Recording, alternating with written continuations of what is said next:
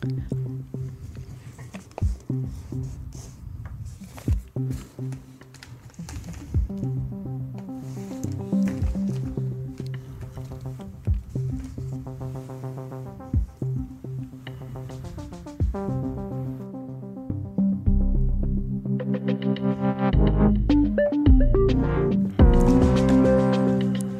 klokken er syv. Øh, velkommen til en uh, uafhængig morgen.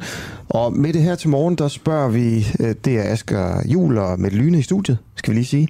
Hvilke fejl har regeringen begået, hvis regeringen har begået fejl i forbindelse med evakueringen af, af personalet i Kabul? Mm-hmm. Og vi havde jo netop en øh, rapporter med til pressemødet i går, som øh, faktisk øh, fik stillet nogle meget øh, konkrete spørgsmål, om der kom svar på det. Det øh, kan vi afspille lidt senere. Ja, lad os prøve at spille, når vi, når vi stiller det her spørgsmål til, til udenrigsministeren ham selv, øh, om hvilke fejl han har begået. Og hvis man øh, lytter til det her og tænker, hvorfor i alverden, altså på den måde kun beskæftige sig med fejl, det er der jo mange, der tænker med, med journalistik, der er for meget fokus på problemer mm. hele tiden. Så er argumentet her, at når man spørger ind til fejlene, så har det en præventiv effekt øh, for fremtidige politikere, når de skal tage nogle beslutninger. Det er, at det, er trælt, det skal være helst være lidt træls at lave en fejl. Og udenrigsministeren har jo også selv gentagende gange sagt, at det er tid til selvrensagelse. Det er præcis. Og så i øvrigt også, man laver sin fejl.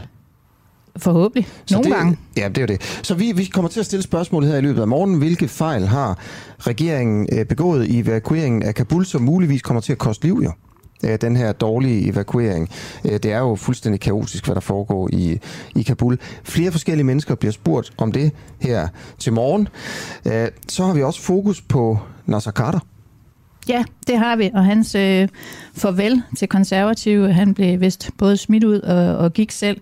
Det har vi øh, forskellige vinkler på i løbet af morgenen, blandt andet øh, Asger Aumund, som jo måske som en af de sidste er ude og forsvare Nasser Carter og har nogle, øh, synes jeg, ret øh, spændende teorier om det. Lige præcis, og så er du jo også med med det, ikke? Og hvem du er, hvad det er for en stemme, man hører i sin morgenradio nu her, det, det kommer vi også lige til at løfte sløret for lidt senere, og så kan man Skriv ind til os på sms. Man skal skrive øh, på nummeret 1245, og så skal man skrive DUA, D-U-A-H, lave et mellemrum, og så sin besked. Og så kommer den her ind til os i studiet. Man kan også kigge med på Facebook, hvor man jo også kan se dig med det. Det kan man. Og dig. Ja, ja, det kan man også. Men det kan man så tit. Og, øh, og der kan man også skrive i kommentarsporet, så ser vi også øh, på det. Og så har vi fået en, øh, en morgenfrisk mand i studiet, Lars Trier Mogensen. Godmorgen. Godmorgen. Godmorgen. Skal jeg lige tænde for dig her. Godmorgen. Godmorgen. Der var du. Du er politisk kommentator ekspert i dansk politik. Og vi skal prøve at snakke først lidt om Nasser Carter med dig. Og Nasser Carter, han er jo ude af, af det konservative Folkeparti, måske også ude af dansk politik, det må vi jo høre lidt om her. Jeg kan godt tænke mig, at vi lige spiller et lille klip for dig først. Øh, på gårdsdagens pressemøde, der sagde den konservative formand Søren Pape, at han havde kendt til anklager mod Nasser Carter længe før DR bragte historien den 2 juli. Fire dage for inden den 28. juni, der fortalte Maja Mercado til os her på Den Uafhængige, at hun ikke kendte til anklager om seksuelle krænkelser i den konservative folketingsgruppe. Det jeg gerne spørge dig om, nu spiller jeg lige klippet, så vil jeg gerne spørge dig om, om, om det er troværdigt, at man ikke kendte til det, og om hvad du egentlig mener om den konservatives håndtering af sagen. Har du kendskab til sager, udover dem, der er kommet frem i whistleblower-ordningen og sexismeundersøgelsen, som endnu ikke har været fremme i offentligheden? Det er simpelthen, det er jo, det er jo, det er jo fuldstændig klart, ja eller, undskyld, ja eller nej spørgsmål. Det synes jeg egentlig, jeg svarer meget øh, klart på. Det kan være, fordi jeg er det et ja eller et nej så? Jamen, jeg tror simpelthen ikke, jeg forstår dit spørgsmål. Men du Jeg har sagt meget tydeligt, at det, som jeg har fået kendskab til, og har kendskab til, det bliver håndteret. Ja. Og, øh, og det bliver det jo med de implicerede. Der er nogen, som ikke har lyst til at gå til en whistleblower. Der er nogen, som har lyst til at gå til en whistleblower. Men, men hvorfor er det, du og ikke bare svarer ja eller nej på spørgsmålet, mig? Jeg, jeg, du ved, jeg nogle gange så sidder man i sådan en interview og tænker sådan, hvorfor, hvorfor, hvorfor svarer du ikke bare ja eller nej? Øh, det er som om, du snakker udenom, altså.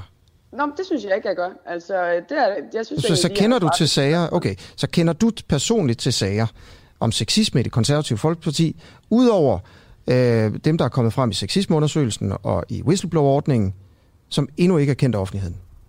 De sager, som jeg har kendskab til, er efter samarbejde med dem, det vedrører, håndteret efter den måde, de ønsker, at det er håndteret på. Så ja. Så det bliver et ja. Du kender til ekstra sager ud over det, vi har, vi Jeg har har talt om her. svaret dig nu, Asger. Okay, fint nok. Øh, Er, er det sager, der involverer medlemmer af Folketingsgruppen? Nej, det er det ikke. Ja, øh, Lars Trier Mogensen, vi hører her, det er altså øh, fire dage før DR bringer historierne her. Øh, hvad tænker du om håndteringen øh, og, og, og, og det, de fortæller om håndteringen i de konservative? Jeg mener, at den måde, som Søren Pape Poulsen som formand for det konservative Folkeparti har håndteret det her, eller skulle man snarere sige, ikke har håndteret det her i månedsvis, muligvis i årvis, giver et kæmpe rekyl tilbage på ham nu. Fordi det, altså det er helt indlysende, at Nasser Carter er færdig som gårdsanger i dansk politik. Han er færdig. Altså ikke engang nye borgerlige Pernille Vermund vil øh, røre ham. Så, så lad os bare i virkeligheden parkere ham lidt ud. Han er udrangeret af dansk politik. Det er opsigtsvækkende, men han er færdig. Det, der står tilbage, det er, at Søren Pape Poulsen ikke har turet, ikke har haft format, ikke haft lederskabsevner til rent faktisk at gå ind og håndtere det problem, som Nasser Carter i meget lang tid har været for det konservative Folkeparti, og som har handlet helt konkret om, at Søren Pape i en meget lang periode, det indrømmer han jo, har fået de her episoder fortalt, uden at handle på det. Og det viser et mønster, hvor Søren Pape undviger, stikker hovedet i busken, håber, at problemer går væk, hvis han bare kigger væk. Og sådan er det altså ikke i politik. Tværtimod er det ofte, at cover-uppet, forsøget på at undvige og løse problemer, at det vokser sig større. Og det synes jeg, at det resultat, vi står tilbage med nu, det er, at Søren Pape Poulsen måske selv forestiller sig, at han nu har håndteret Søren Pape, men da, Nasser Carter, men da han er ude, ja, så er det Søren Pape, der står tilbage, og han har svigtet. Han har ikke formået at udvise de lederegenskaber, som man retligt må forvente af en person, som faktisk gør sig ambitioner om at skulle kunne blive statsminister i Danmark.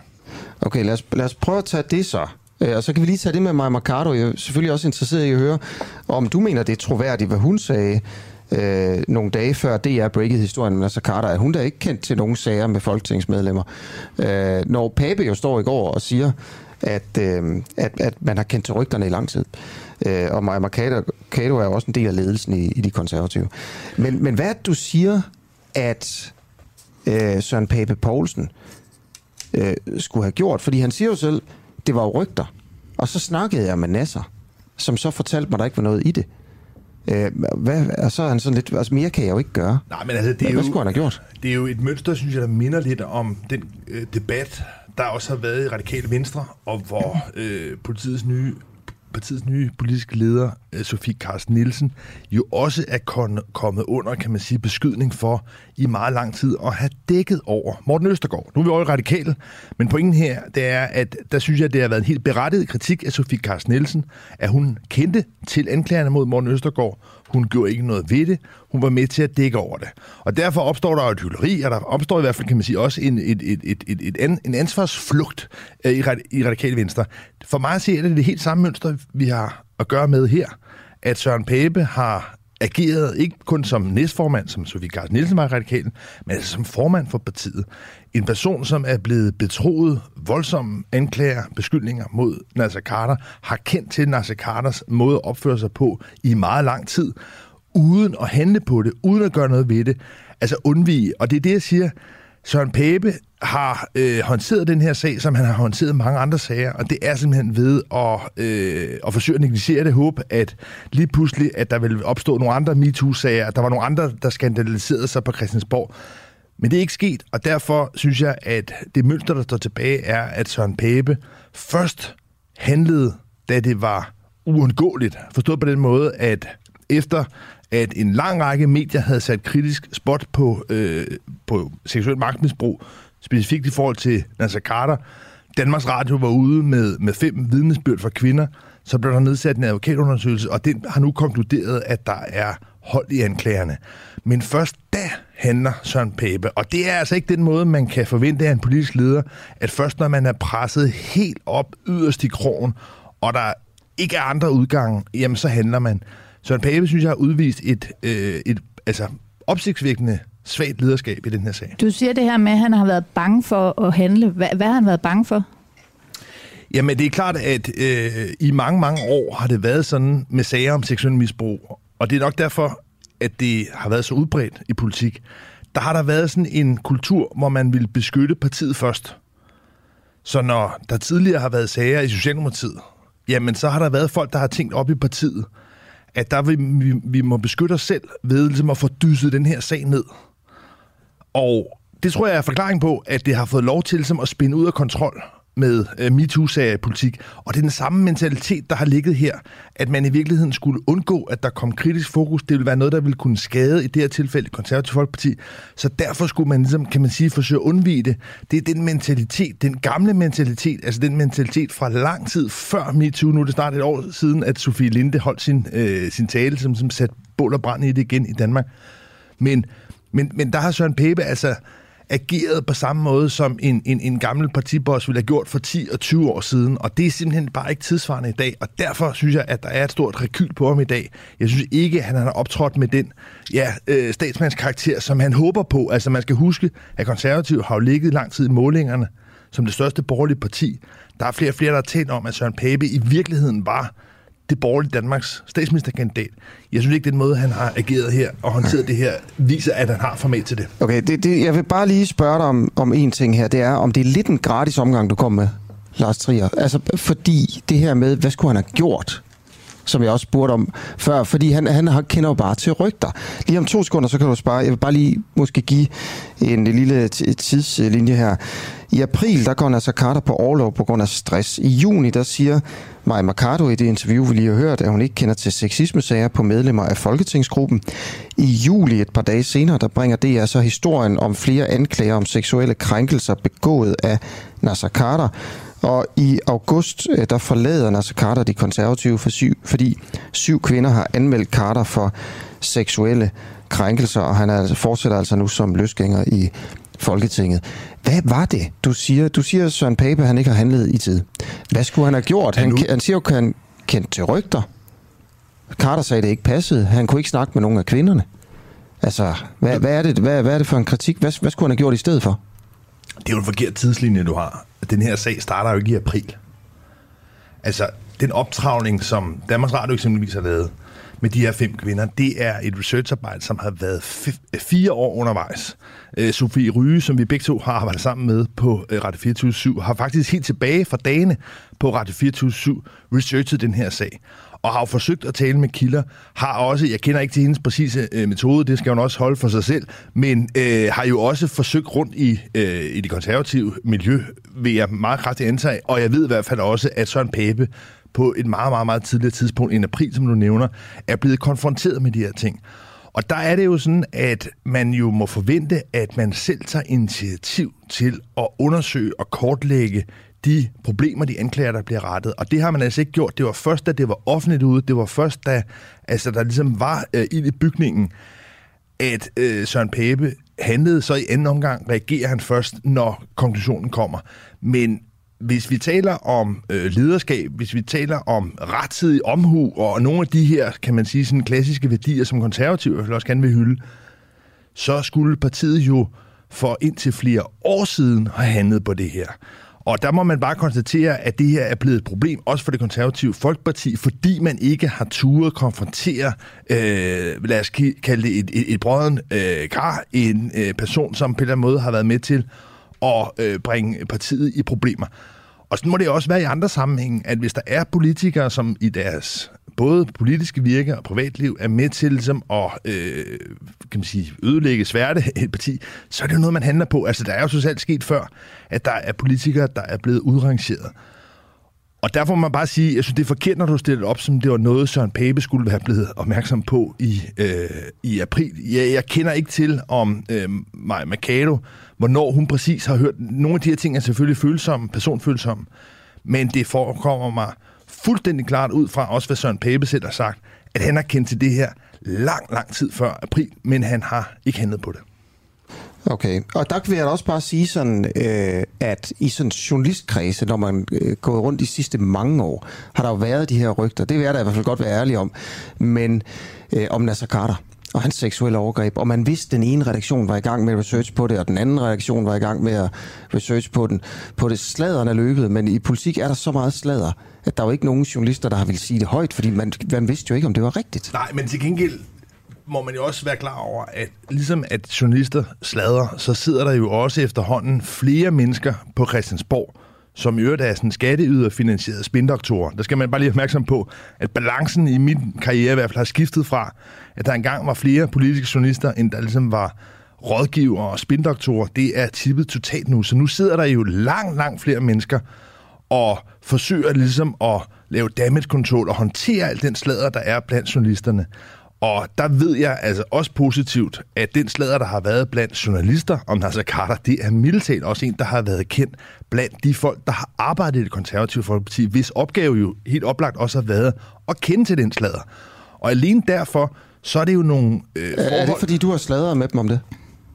Jeg, jeg har ikke selv øh, sladret med dem, men, men, men, men jeg ved ja, at, øh, at man i den konservative pressetjeneste har kendt til de her ting.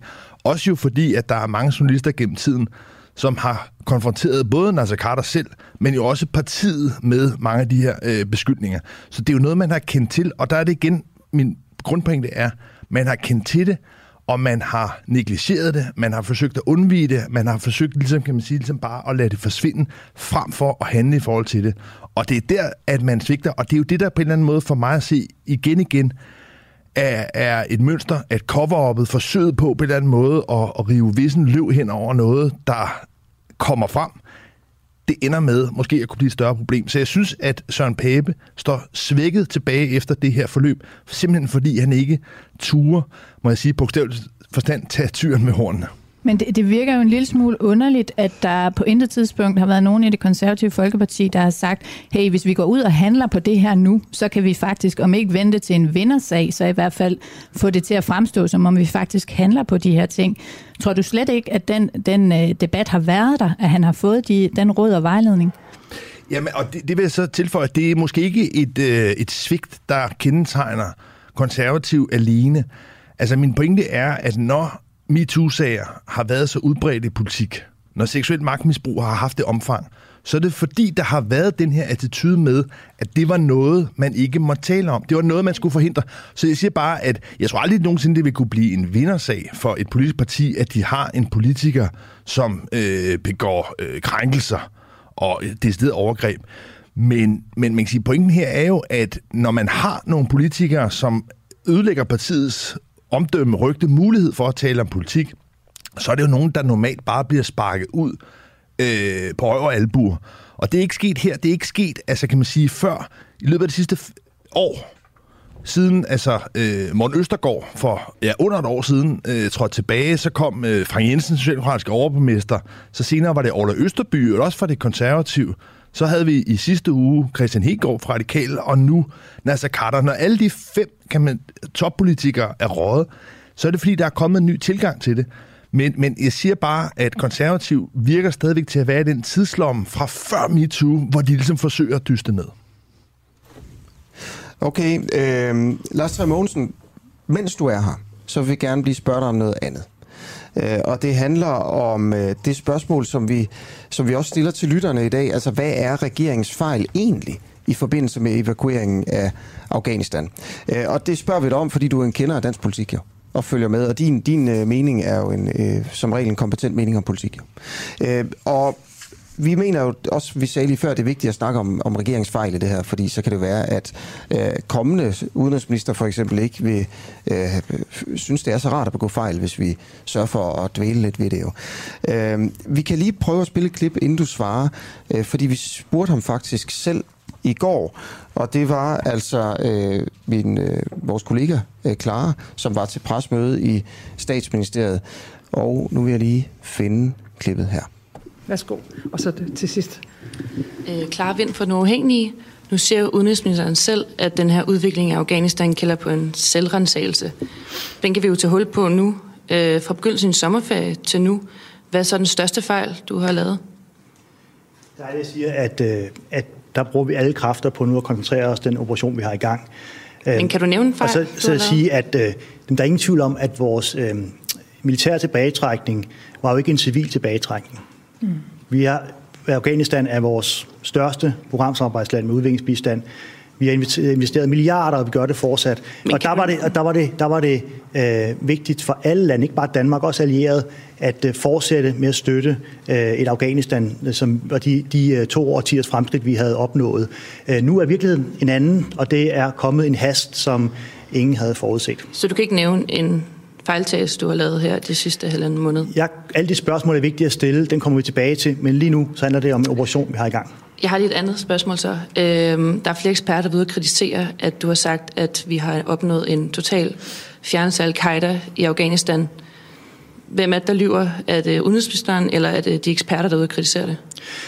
Jeg tror, at øh, alle må forståelse for, at i de her døgn, de her dage, de her timer, der øh, arbejder vi med al kraft, og jeg har også udtalt mig til medier mange gange, øh, og hvis jeg udtaler mig upræcist, så øh, tager jeg ansvaret på mig, øh, fordi verden er mere nuanceret. Al-Qaida er selvfølgelig til stede øh, Må jeg bede om, at der ikke bliver afbrudt, når der bliver svaret, i, øh, i Afghanistan, øh, og udgør en, en, en trussel der.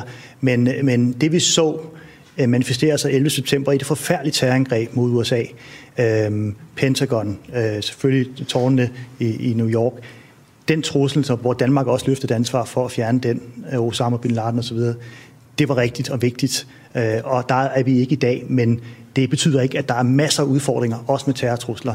Øh, og så når vi lige sidste spørgsmål.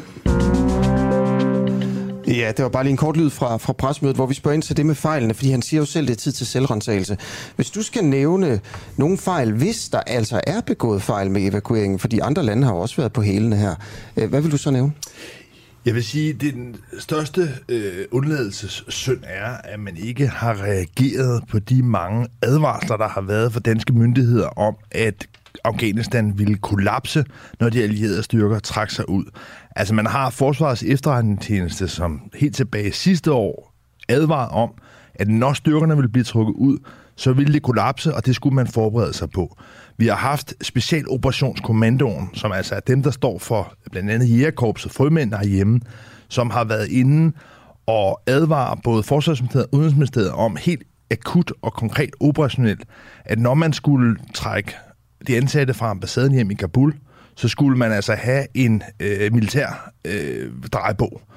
Og det har man afvist.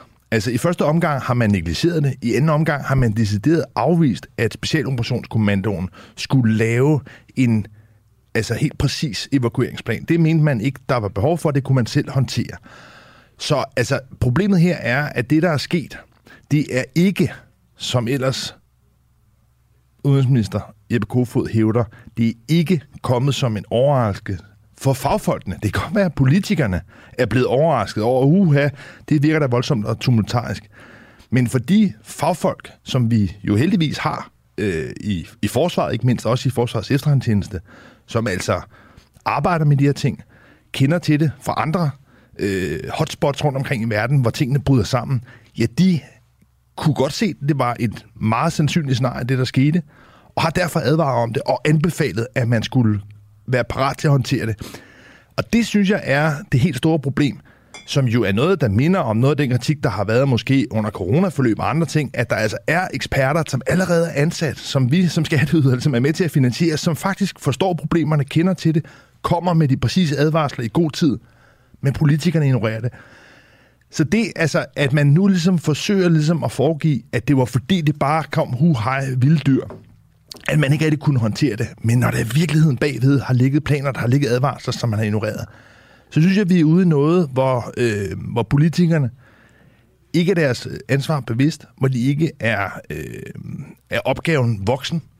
Så det synes jeg egentlig er, er det grundlæggende problem. Så kan vi så botanisere i, at det også forekommer mig fuldstændig vanvittigt, at hen over en lang periode, hen over sommeren, at Jeppe Kofod vælger at være på sommerferie, i stedet for netop at fokusere kræfterne, også politisk prioritere kræfterne, ved selv at være til stede på at forlade de her planer, forhandlet en aftale hjem om, hvordan man evakuerer de ansatte, tolkene også. Det har han ikke været. Derfor er det blevet udskudt. Man kan, kan man sige, næsten tragikomisk, altså græde eller grine, eller hvad man nu vil, over at forsvarsminister Trine Bramsen var ude og snakke om sæler på Ærø, senere til koncert, mens alt ramlede sammen.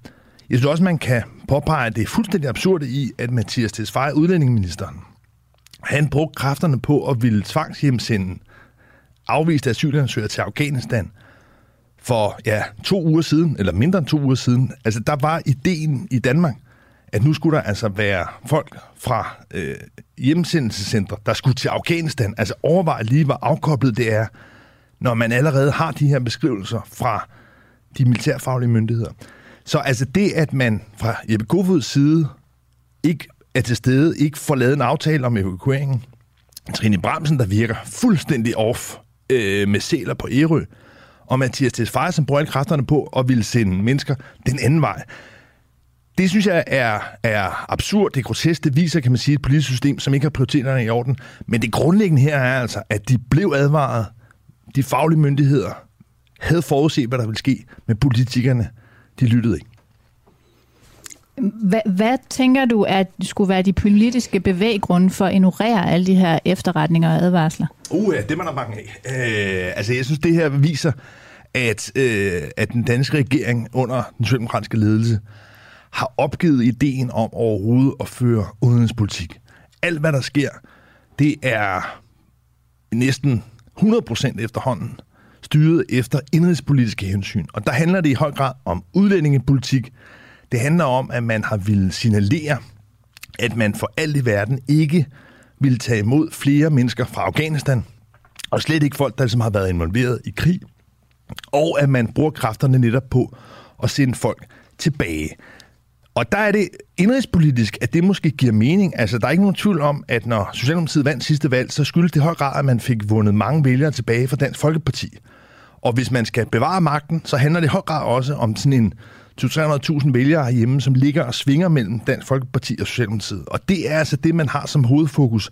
Og så må verden stå i brand, fordi det er så længe man på en eller anden måde bare sikrer sig frem mod næste valg. Det her det er valgkamp det er, at man øh, appellerer til den her gruppe af tidligere DF-vælgere med en stram udlændingepolitik, og uanset hvad, ja, så skal det altså være ikke folk ind, flere mennesker ud, og det er det, der ligesom, kan man sige, har været den politiske prioritet. Så derfor kan man sige, at det er et udtryk for, at man slet ikke rigtig forholder sig til de udenrigspolitiske dynamikker, den store verden, det lange sigt, men tænker mere kortsigtet de næste to år eller halvanden år, lang tid der nu er til næste valg. Hvordan kan man få placeret sig bedst sådan signalpolitisk i forhold til de her tidligere DF-vælgere. Og der kan det godt være, at det her faktisk øh, viser sig at være effektivt. Man har i hvert fald meget demonstrativt fået markeret, at man øh, er ligeglad med, hvad der sker i Afghanistan, ved ikke at have lyttet til eksperterne. Man har også fået signaleret, at man øh, er mere optaget af at sende folk den anden vej. Så derfor kan man sige, indrigspolitisk har det måske virket, den kynisme, der ligger i det. Men for mig at se, når man har ignoreret de her advarsler, så er det fordi, at de indrigspolitiske hensyn, valgkampen kan man sige, kommer først. Lars Tøj Mogensen, tusind tak, fordi uh, du kiggede forbi studiet. Yes, og så er klokken blevet to minutter i halv otte. Måske, uh, Mette, skulle vi lige bare lige sætte et par ord på dig? Ja, det kan vi godt. Okay. Det skal ikke være mange, men øh, et par ord. Jeg er journalist og redaktør, og øh, ikke så meget for small talk, og derfor så synes jeg, at øh, den uafhængige var, var et fedt sted at melde mig under fanerne. Ja, hvorfor kan du ikke lide small talk? Det keder mig. Jeg, yeah. jeg, jeg har det sådan, hvis man har en platform, øh, som journalister jo typisk har, så synes jeg, man skal bruge det til noget. Man skal, mm. man skal ville noget, man skal ville øh, flytte noget, eller så skal man lade være. Ja. Så hvis du lyttede til, til den uafhængige lige nu, mm. så ville du synes, det var lidt kedeligt, at værterne stod og snakkede med hinanden? Ubetinget. Ubetinget. Jeg ville tænke, det er ikke P4, kom nu videre. Nej, okay. Ja. Ja, Øh, jamen, så, skal vi komme videre så? Jeg synes, vi skal, fordi okay. øh, jeg synes, vi skal blive lidt i øh, Afghanistan. Fordi øh, enhedslisten har jo været ude at, øh, og sige, at de synes, vi skal tage flygtninge øh, fra Afghanistan. Men hvor mange flygtninge vil enhedslisten have til Danmark? Øh, for øh, Danmark skal jo så til de her flygtninge fra Afghanistan. Det sagde enhedslistens udenrigsordfører Eva Flyvholm forleden ja. til Ritzau, efter at landet jo søndag så endelig blev overtaget af Taliban. Og vores kollega Oliver Fruergaard, han interviewede Eva Flyvholm for at finde ud af præcis, hvor mange flygtninge partiet maksimalt vil have til Danmark. Og øh, det skal vi høre, hvordan det gik her. Danmark har jo et helt særligt ansvar i forhold til Afghanistan, fordi vi har været part i den krig i 20 år. Og derfor så skal vi også være med til at hjælpe folk nu, hvor Taliban rykker frem. så Danmark skal tage nogle flere flygtninge. Vi skal simpelthen melde, at vi er klar til at tage en kvote på for eksempel 2.000 og sige, at vi må altså tage vores del af ansvaret her. Det er helt urealistisk at tro, at nabolandene kan, kan klare det hele. Så nu må Danmark og andre af de europæiske lande altså også på banen øh, og hjælpe med at tage imod flygtninge. Så hvis jeg spørger dig, hvor mange flygtninge skal Danmark tage, så siger du altså 2.000? Det afgørende det er jo, at Danmark kommer i gang med at tilbyde at tage nogle af de flygtninge, der kommer fra Afghanistan. Og det skal både være nogle af dem, som øh, er svage og udsatte grupper, og det skal være nogle af de folk, som er forfulgt, hvis de for eksempel har været menneskerettighedsforkæmper, journalister og sådan noget. Øhm, det vi foreslår, det er, at man i hvert fald til en start siger, jamen vi er i hvert fald klar til at tage 2.000, og hvis der bliver behov for det, så kan vi jo se på, om det kan blive flere. Men øh, det er helt afgørende, at Danmark og de andre europæiske lande vil være med til at løfte det her ansvar. Har I en maksgrænse for, hvor mange flygtninge I så vil tage? Du siger 2.000, men måske også flere. Så hvad er jeres øh, maksimale grænse for, hvor mange flygtninge Danmark kan tage? Det kommer jo an på øh, også, hvad der, er, hvad der bliver behov for. Vi har ikke sat en maksimal grænse, og hvis jeg skal være helt ærlig, så tror jeg, at det bliver rigeligt svært overhovedet at få overtalt øh, flertallet i dansk politik til bare at løfte det ansvar, det vil være at tage øh, komme i gang med at tage øh, nogle tusind af de her flygtninge. Så, øh, så lad os bare prøve at komme i gang med at presse på, for at man i det hele taget begynder at tage nogen. Ja, og, det, og det er også, man kan jo aldrig vide, hvor mange der står og har brug for øh, hjælp, men hvad er jeres øh, grænse? Vi har ikke sat en maksimal grænse. Det væsentlige det er, at vi kommer i gang nu med bare at hjælpe med at tage ansvar for nogle af de mange mennesker, der, bliver, der kommer på flugt fra Taliban nu. Og realistisk set, så bliver det rigeligt svært øh, bare at få regeringen og Venstre og flertallet af Folketingets partier med til overhovedet at løfte øh, det ansvar. Mm. Ja, så der er ikke nogen grænse. Hvad hvis det var en million flygtninge?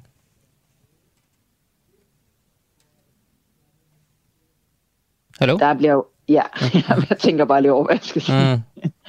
øhm, nu er det jo sådan i, i dansk øh, udlændingepolitik, at bare det overhovedet at få regeringen øh, og det øvrige flertal af partier med på at tage nogle flygtninge, det er rigtig svært. Øh, så vi har ikke tænkt, det var nødvendigt at begynde at sætte øh, et maksimalt antal endnu. Det handler bare om øh, at komme i gang med at tage, altså tilbyde en hjælpende hånd til folk. Og det er det, vi presser på for. Det er helt åbenlyst, at der kommer til at være folk nu, der har rigtig meget brug for at komme i sikkerhed for Taliban, og det skal Danmark også stille sig til rådighed med. Vi har foreslået 2.000 her til at starte med, og så må vi jo se på, hvad der bliver behov for, og hvordan landene kan hjælpe hinanden med at fordele det. Okay. Jeg bliver bare, altså sådan, fordi det er jo rigtigt nok, at du, som du selv siger, der kommer til at være formentlig rigtig meget brug for hjælp til, til mange afghanere nu, og øh, det er jo også bare, du ved, en ting er, hvad, der er, hvad resten af partierne vil, en anden ting er også, hvad næsten selv vil, så det er jo bare det, jeg prøver at finde ud af egentlig, hvad, hvad jeres, hvor jeres grænse går. Vi har ikke sat et maksimalt antal, nej, det har okay. vi ikke. Okay. Og det afgørende, det er, at vi kommer i gang med overhovedet at gøre noget. Når vi foreslår for eksempel at starte ved 2.000, så, øh, så er det jo fordi, at Storbritannien for eksempel har tilbudt at tage 20.000, Kanada har tilbudt at tage 20.000, og vi siger, all right, Danmark er et mindre land, så øh, vi, skruer, vi skruer ned øh, for det, så det nogenlunde passer proportionelt. Det er jo sådan, vi kommer frem til det, og så må vi se på, hvad der er behov for. Ja, ja. Okay, og en, hvad der er en realistisk grænse for Danmark, det kan du altså ikke øh, komme nærmere ind på? Det er jo op til en forhandling mellem Folketingets partier. Jo, jo, jo, jo men, men jeg, jeg spørger bare til jeres politik. Jeg peger helt konkret på, at vi foreslår, at man starter i hvert fald med 2.000. Ja. Det er det, vi helt konkret foreslår. Ja, så det er din minimum. Men hvad er din maksimum? Det er det, jeg spørger ind til. Vi har ikke sat et helt konkret maksimum Nej. nu, for helt ærligt, jeg tror ikke, at det bliver nødvendigt, at det er enhedslisten, der skal sætte det maksimum. Jeg tror, det bliver rigeligt svært at få de andre partier med til bare at tage det minimum af ansvar, der er nødvendigt. Ja, det var altså Eva Flyvholm fra Enhedslisten, øh, der blev interviewet af Oliver Fruergaard. Jane øh, skriver ind på vores øh, Facebook-kommentarspor, at hun synes, Eva Flyvholm får al, al, al for meget taletid. Hun virker ofte meget urealistisk i sin svar, skriver altså Jane. Du kan også blande dig i, i det her program, hvis du lytter med. Og det kan du ved at skrive på vores øh, live-tråd i, på Facebook, eller ved at skrive en sms til 1245 mellemrum. Nej, 1245, og så skal du skrive DUA, D-U-A-H, mellemrum, mellemrum. og så er din besked. Lige præcis. Og så læser vi den med det. Det gør vi. Ja, og der er allerede øh, både ris og ros øh, af programmet. Mm. Nogle synes, det var godt med Lars Trier, andre synes, det var dårligt. Og det er jo bare helt, helt fint. Om fem minutter cirka, der kommer der et interview med Asger Aumund, den kendte erhvervsmand og politiske sådan debattør. Uh, han forsvarer Nasser Carter, og der er ikke mange, der forsvarer Nasser Carter for tiden. Det vil være synd at sige. Så det her, det er altså... Uh, der er tale om en mand, der står fast. Ja, det er der, ja. Uh, altså både måske Nasser og, og, og Asger Aumund ja, så er der to. gør det i hvert fald her. Uh, han bakker op stadigvæk, og han antyder i det interview, der kommer om fem minutter, at det er sådan et, et politisk komplot mm. fra Carters modstandere, som har rottet sig sammen. Man kan høre det selv. Det kommer om fem minutter. Det kan man, og øh, vi skal også øh, lidt tilbage til Afghanistan, fordi øh, lige nu foregår der jo det, at både lande og mennesker forsøger desperat at komme ud af Afghanistan. Ambassaderne lukker, og folk øh, flygter. Men det er altså ikke alle lande, som øh, er ude. Øh, Kina og Rusland øh, er der endnu. Og øh, til at blive, gøre os klogere på i hvert fald, hvad der foregår i forhold øh, til Kina, har vi Camilla Nyrup Sørensen, Ph.D. og lektor ved Institut for Strategi og Krigsstudier med. Godmorgen. Godmorgen. Hvorfor er Kina stadigvæk i Afghanistan? Kina er stadig i Afghanistan, fordi de har nogle vigtige øh, interesser, som de vil sikre, øh, og som de øh, altså i længe, også inden Taliban øh, øh, har overtaget magten, har været i dialog øh, med Taliban og andre grupperinger i øh, Afghanistan i forhold til at sikre varetagelsen af de her øh, kinesiske interesser. Det gælder så særligt, eller det gælder særligt om, at de vil altså arbejde, de arbejder for at øh, ustabilitet igen ikke skal brede sig i Afghanistan, og særligt det her med, at Afghanistan skal være, skal være stedet, hvor, hvor terrorgrupper ligesom kan, få, kan, kan, kan udvikle sig, ikke? som så også kan brede sig ind over grænsen til Kina og, og, og generelt i Centralasien. Hvad, Æh, hvad, øh, hvad er det for nogle interesser, Kina har i Afghanistan? Jamen det, Jamen det er primært, man skal sådan forestille sig, at når de ser på Afghanistan, så ser de igennem sådan nogle sikkerhedsbriller, ikke? Øh, og stabilitet, øh, stabilitet er prioritet nummer et, øh, og så netop at modvirke, ikke? At, at særligt den her gruppering, der hedder ITIM, som er sådan East Turkestan Islamic Movement, som er en militant islamisk terrorgruppe, som arbejder for øh, et selvstændigt, uafhængigt øh, Xinjiang, altså den her store øh, kinesisk, den store vestlige provins øh, i Kina, Xinjiang, øh, de jo mener hedder øh, Øst-Tyrkistan. Øh, Øh, og den her gruppe arbejder jo så, er en del af de, den her, øh, øh, det her muslimske mindretal, der bor i den her øh, kinesiske provins. Men er altså nogen, der, der har taget våben i brug ikke, for at modarbejde den måde, som kineserne hårdt har slået ned på, øh, på den her øh, muslimske mindretalsgruppe, uigurerne, som bor i Xinjiang-provinsen.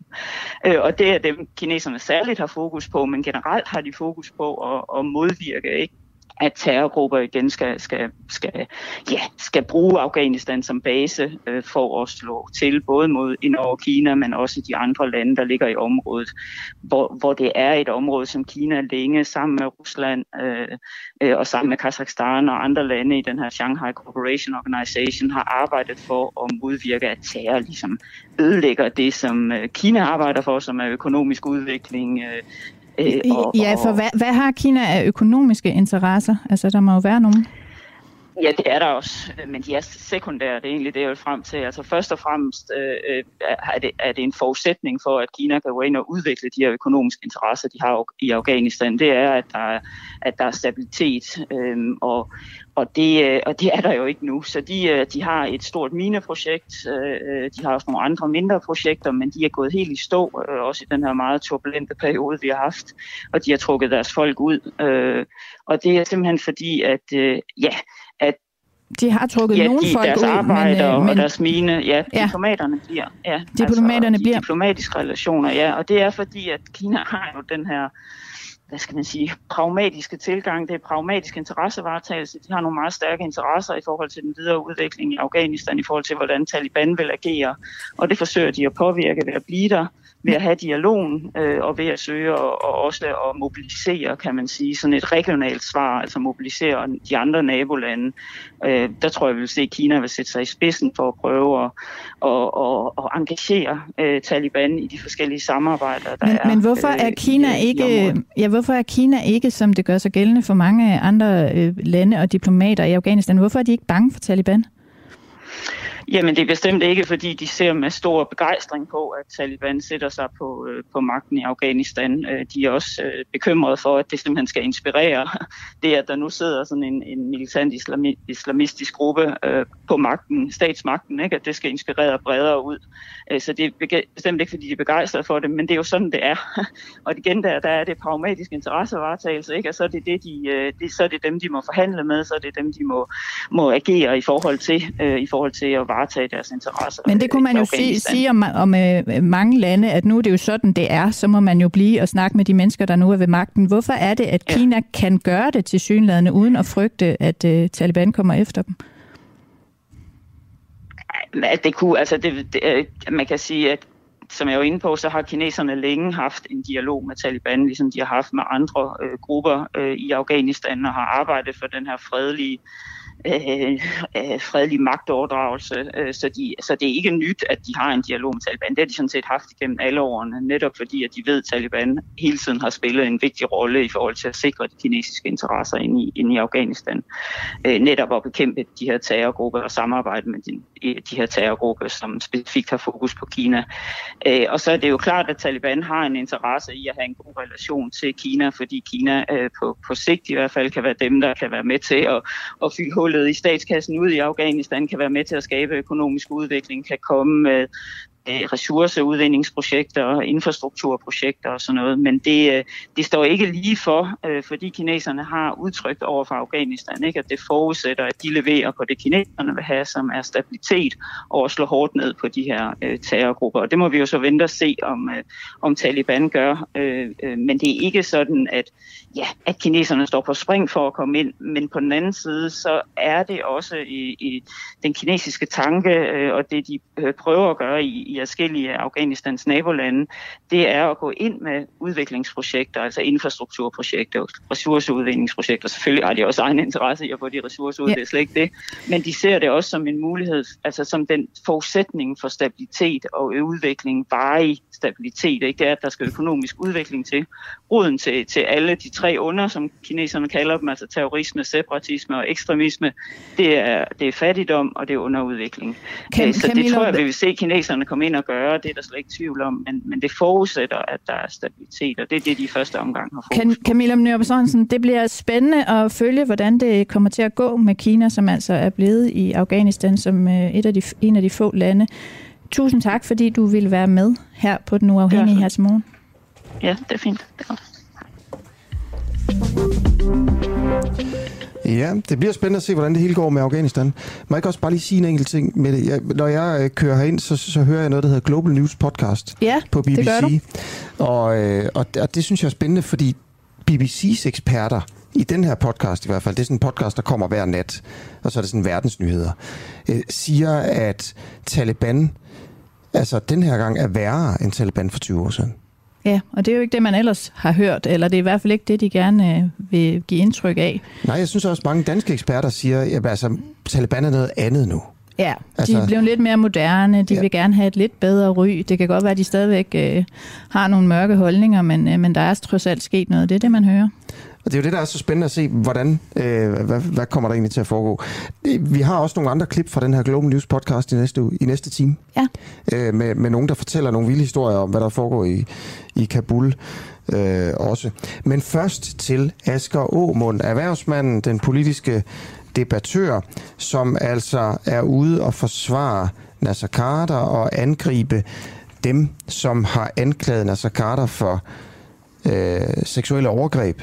Øh, og det her, det er jo en sag, der har gjort, at Nasser Carter han nu er ude af det konservative Folkeparti. Han sidder stadigvæk i Folketinget som løsgænger.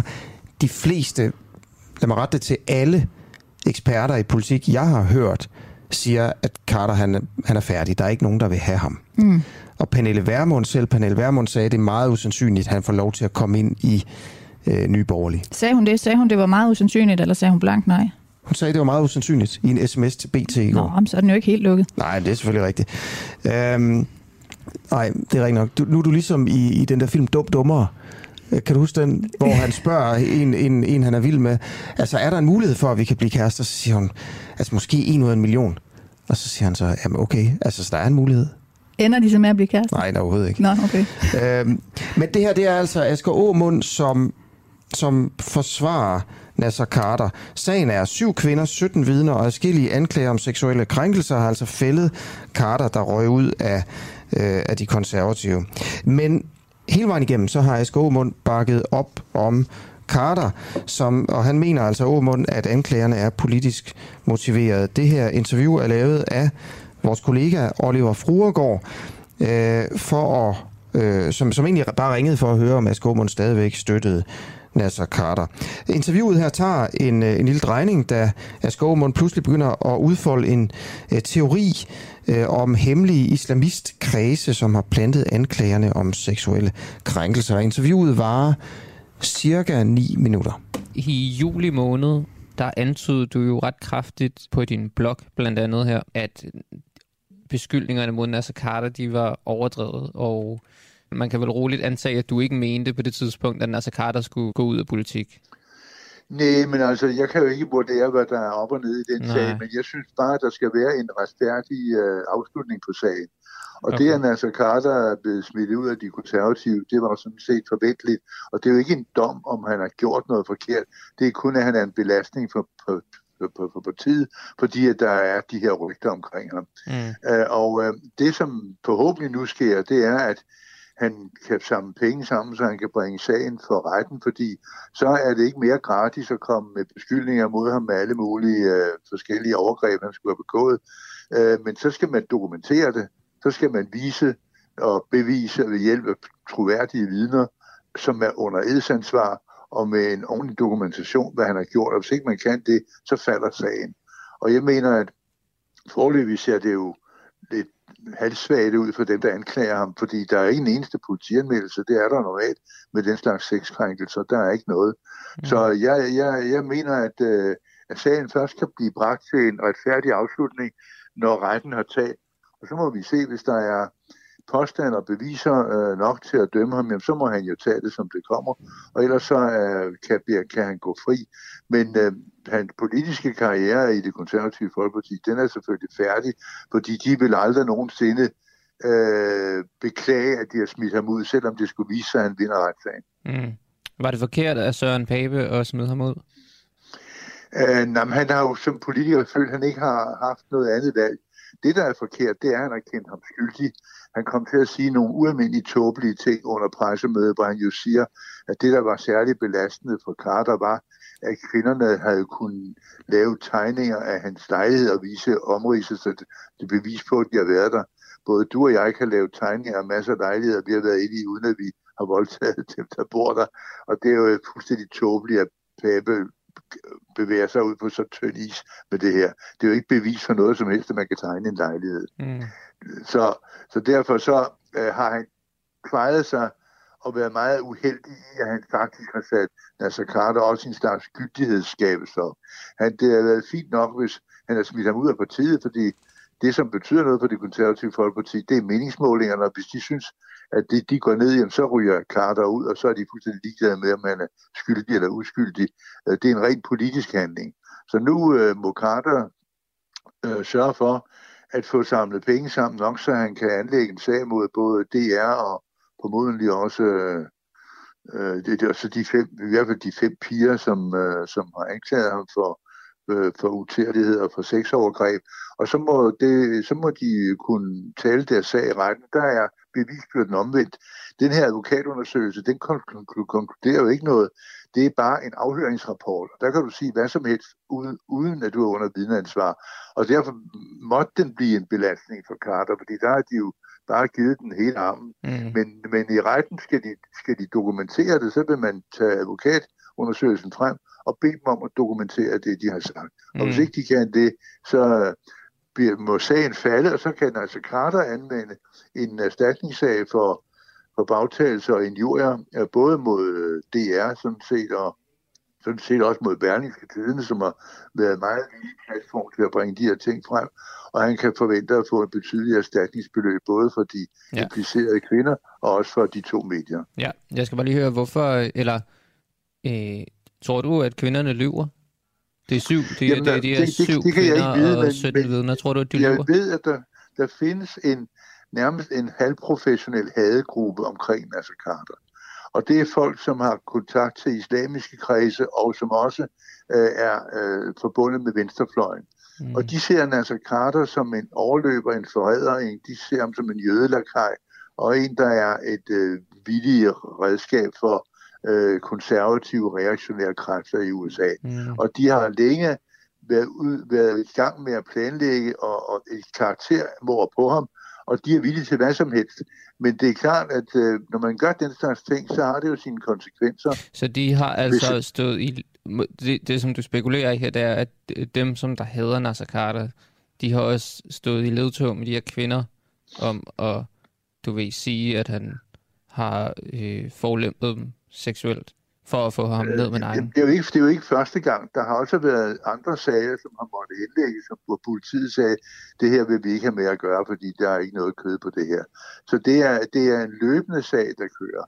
Og øh, øh nu skal du også regne med, at Nasser Carter, som jo er øh, oprindelig er muslim, øh, han har lavet sine to børn døbe, og de er kristent konfirmeret, og det er altså ikke noget, som går ustraffet ind i islamiske kreds. Så derfor så er der altså en, en, en, en der er en, en hadeklub omkring ham, mm. som er villig til hvad som helst for at ødelægge Så det kan vel også være islamiske kredse, der aktiverer de her kvinder til at gå ud med falske anklager? Det, det ved vi jo ikke, men der, det hænger ligesom lidt sammen i... Men du mener, et, det er en øh, mulighed i hvert fald?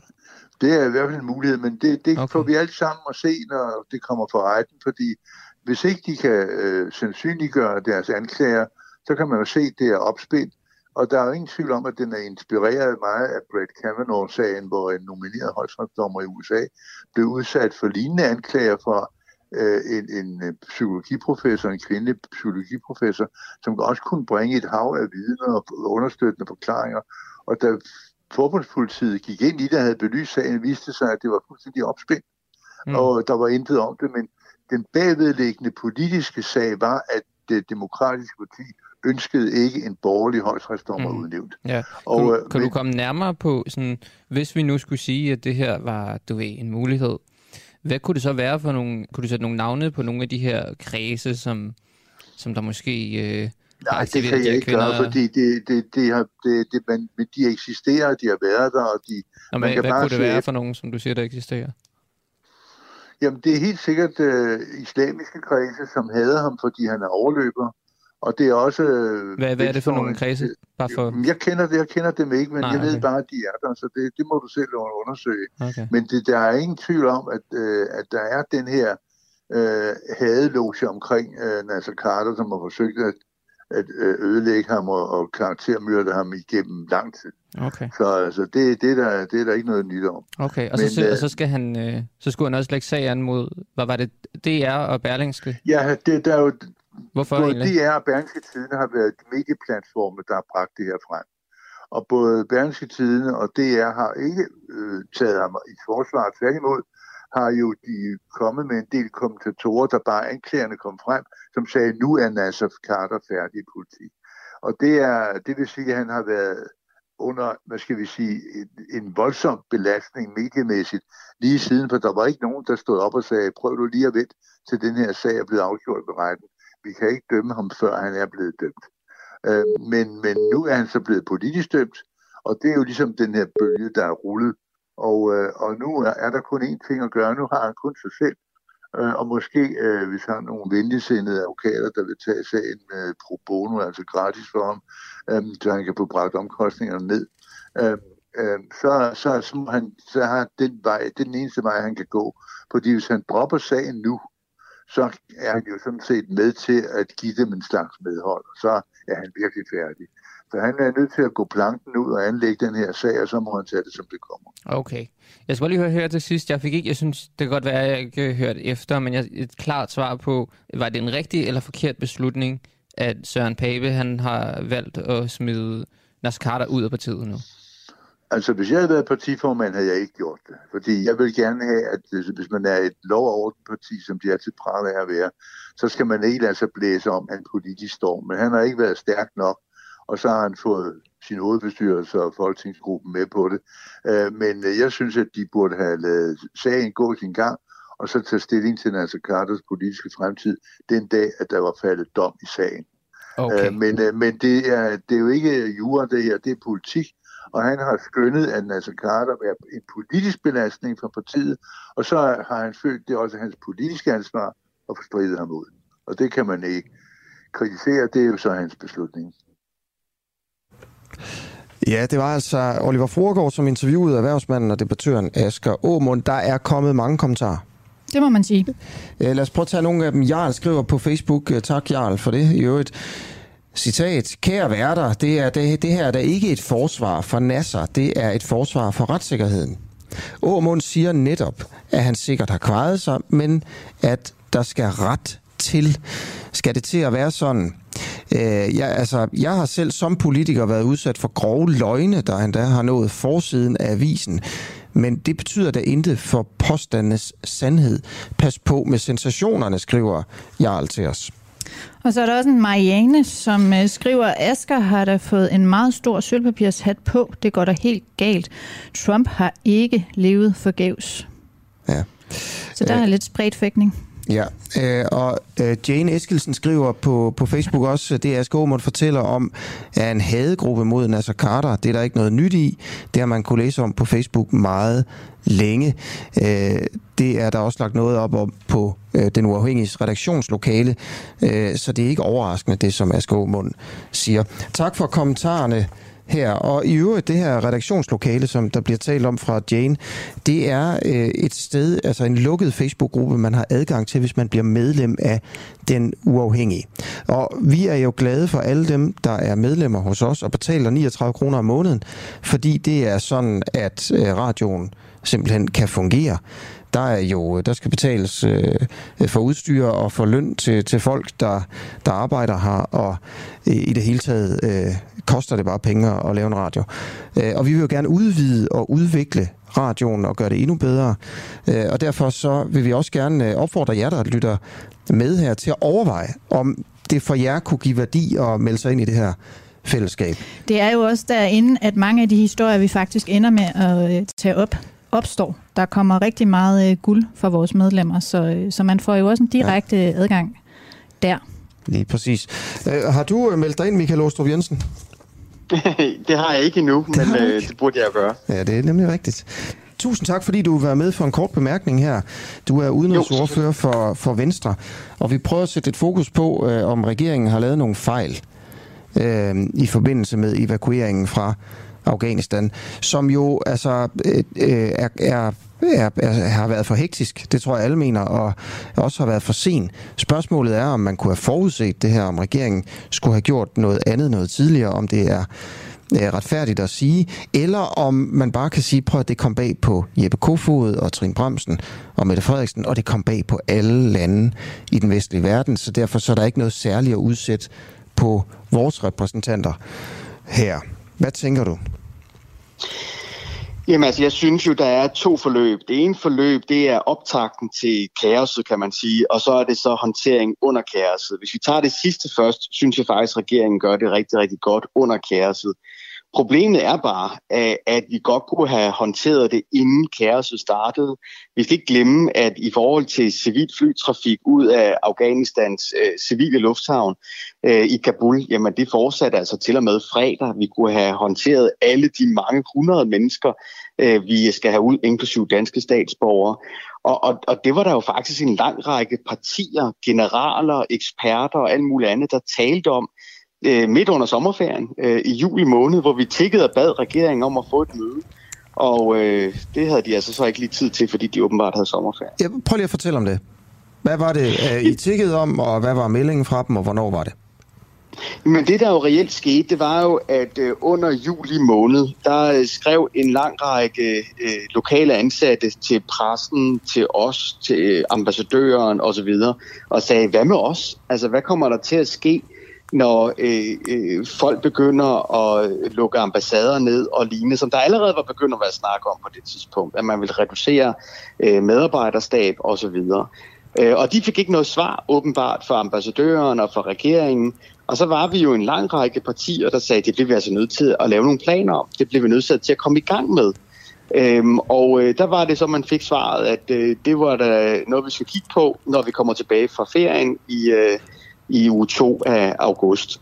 Og, og, og det er jo bare der, vi så står, øh, at det er, at vi kom alt, alt for sent i gang, øh, i, og nu ser vi så resultatet af det desværre. Mm.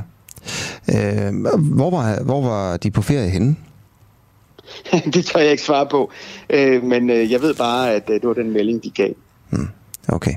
Øh, kunne man ikke have gjort det, altså, fordi der er også et helt apparat, øh, øh, altså politikere skal også have ferie, ministre skal også have ferie, der er jo også et apparat, der kører udenom dem. Øh, er, det, er det retfærdigt øh, at sige, at grunden til, at der ikke skete noget hurtigt nok, det var fordi Jeppe Kofod var på sommerferie? Eller kunne, altså, klarede han også ting på en telefon fra sit sommerhus, og man har jo hele Udenrigsministeriet, der arbejder, og hele forsvaret, der, der også arbejder, selvom der er en minister, der sidder i et sommerhus. Altså, ved du noget om, om han, om han ikke lavede noget, mens han var på ferie? Det ved jeg faktisk intet om. Jeg ved bare, at det var det begrundelsen var, øh, for at vi ikke kunne få de møder og de forhandlinger, som var nødvendige. Øh, og det er jo der, problemet er. Øh, det er, at øh, øh selvom han så var på arbejde, øh, så havde han åbenbart ikke interesse i at holde mødet, og så var det den øh, beskrivelse, der var. Og, og, og det er der, problemet er, fordi en ting er, at vi selvfølgelig ikke kunne forudse, hvor hurtigt det gik. Det anerkender jeg tror, vi alle sammen 100 procent, men vi vidste godt, at det ville ende med det. Altså alle uafhængige eksperter sagde allerede, da præsident Biden besluttede sig i april, at, at han ville trække tropperne ud, at resultatet vil blive en borgerkrig. Resultatet vil blive det kaos, vi desværre øh, ser nu. Spørgsmålet bare var, når?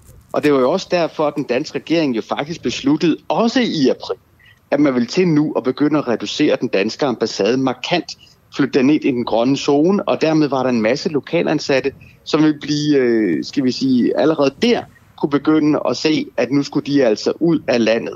Og det er derfor, jeg ikke forstår, hvorfor man ikke allerede før sommeren, i sommeren, eller bare for en uge siden startede op med at begynde at tage de her folk ud. Det er der også en lang række andre lande, der har gjort. Altså Canada startede allerede den 4. august med at få de første lokalansatte ud til Canada. USA som der ellers er meget kritik af, startede også for mange uger siden med at få lokalansatte ud osv.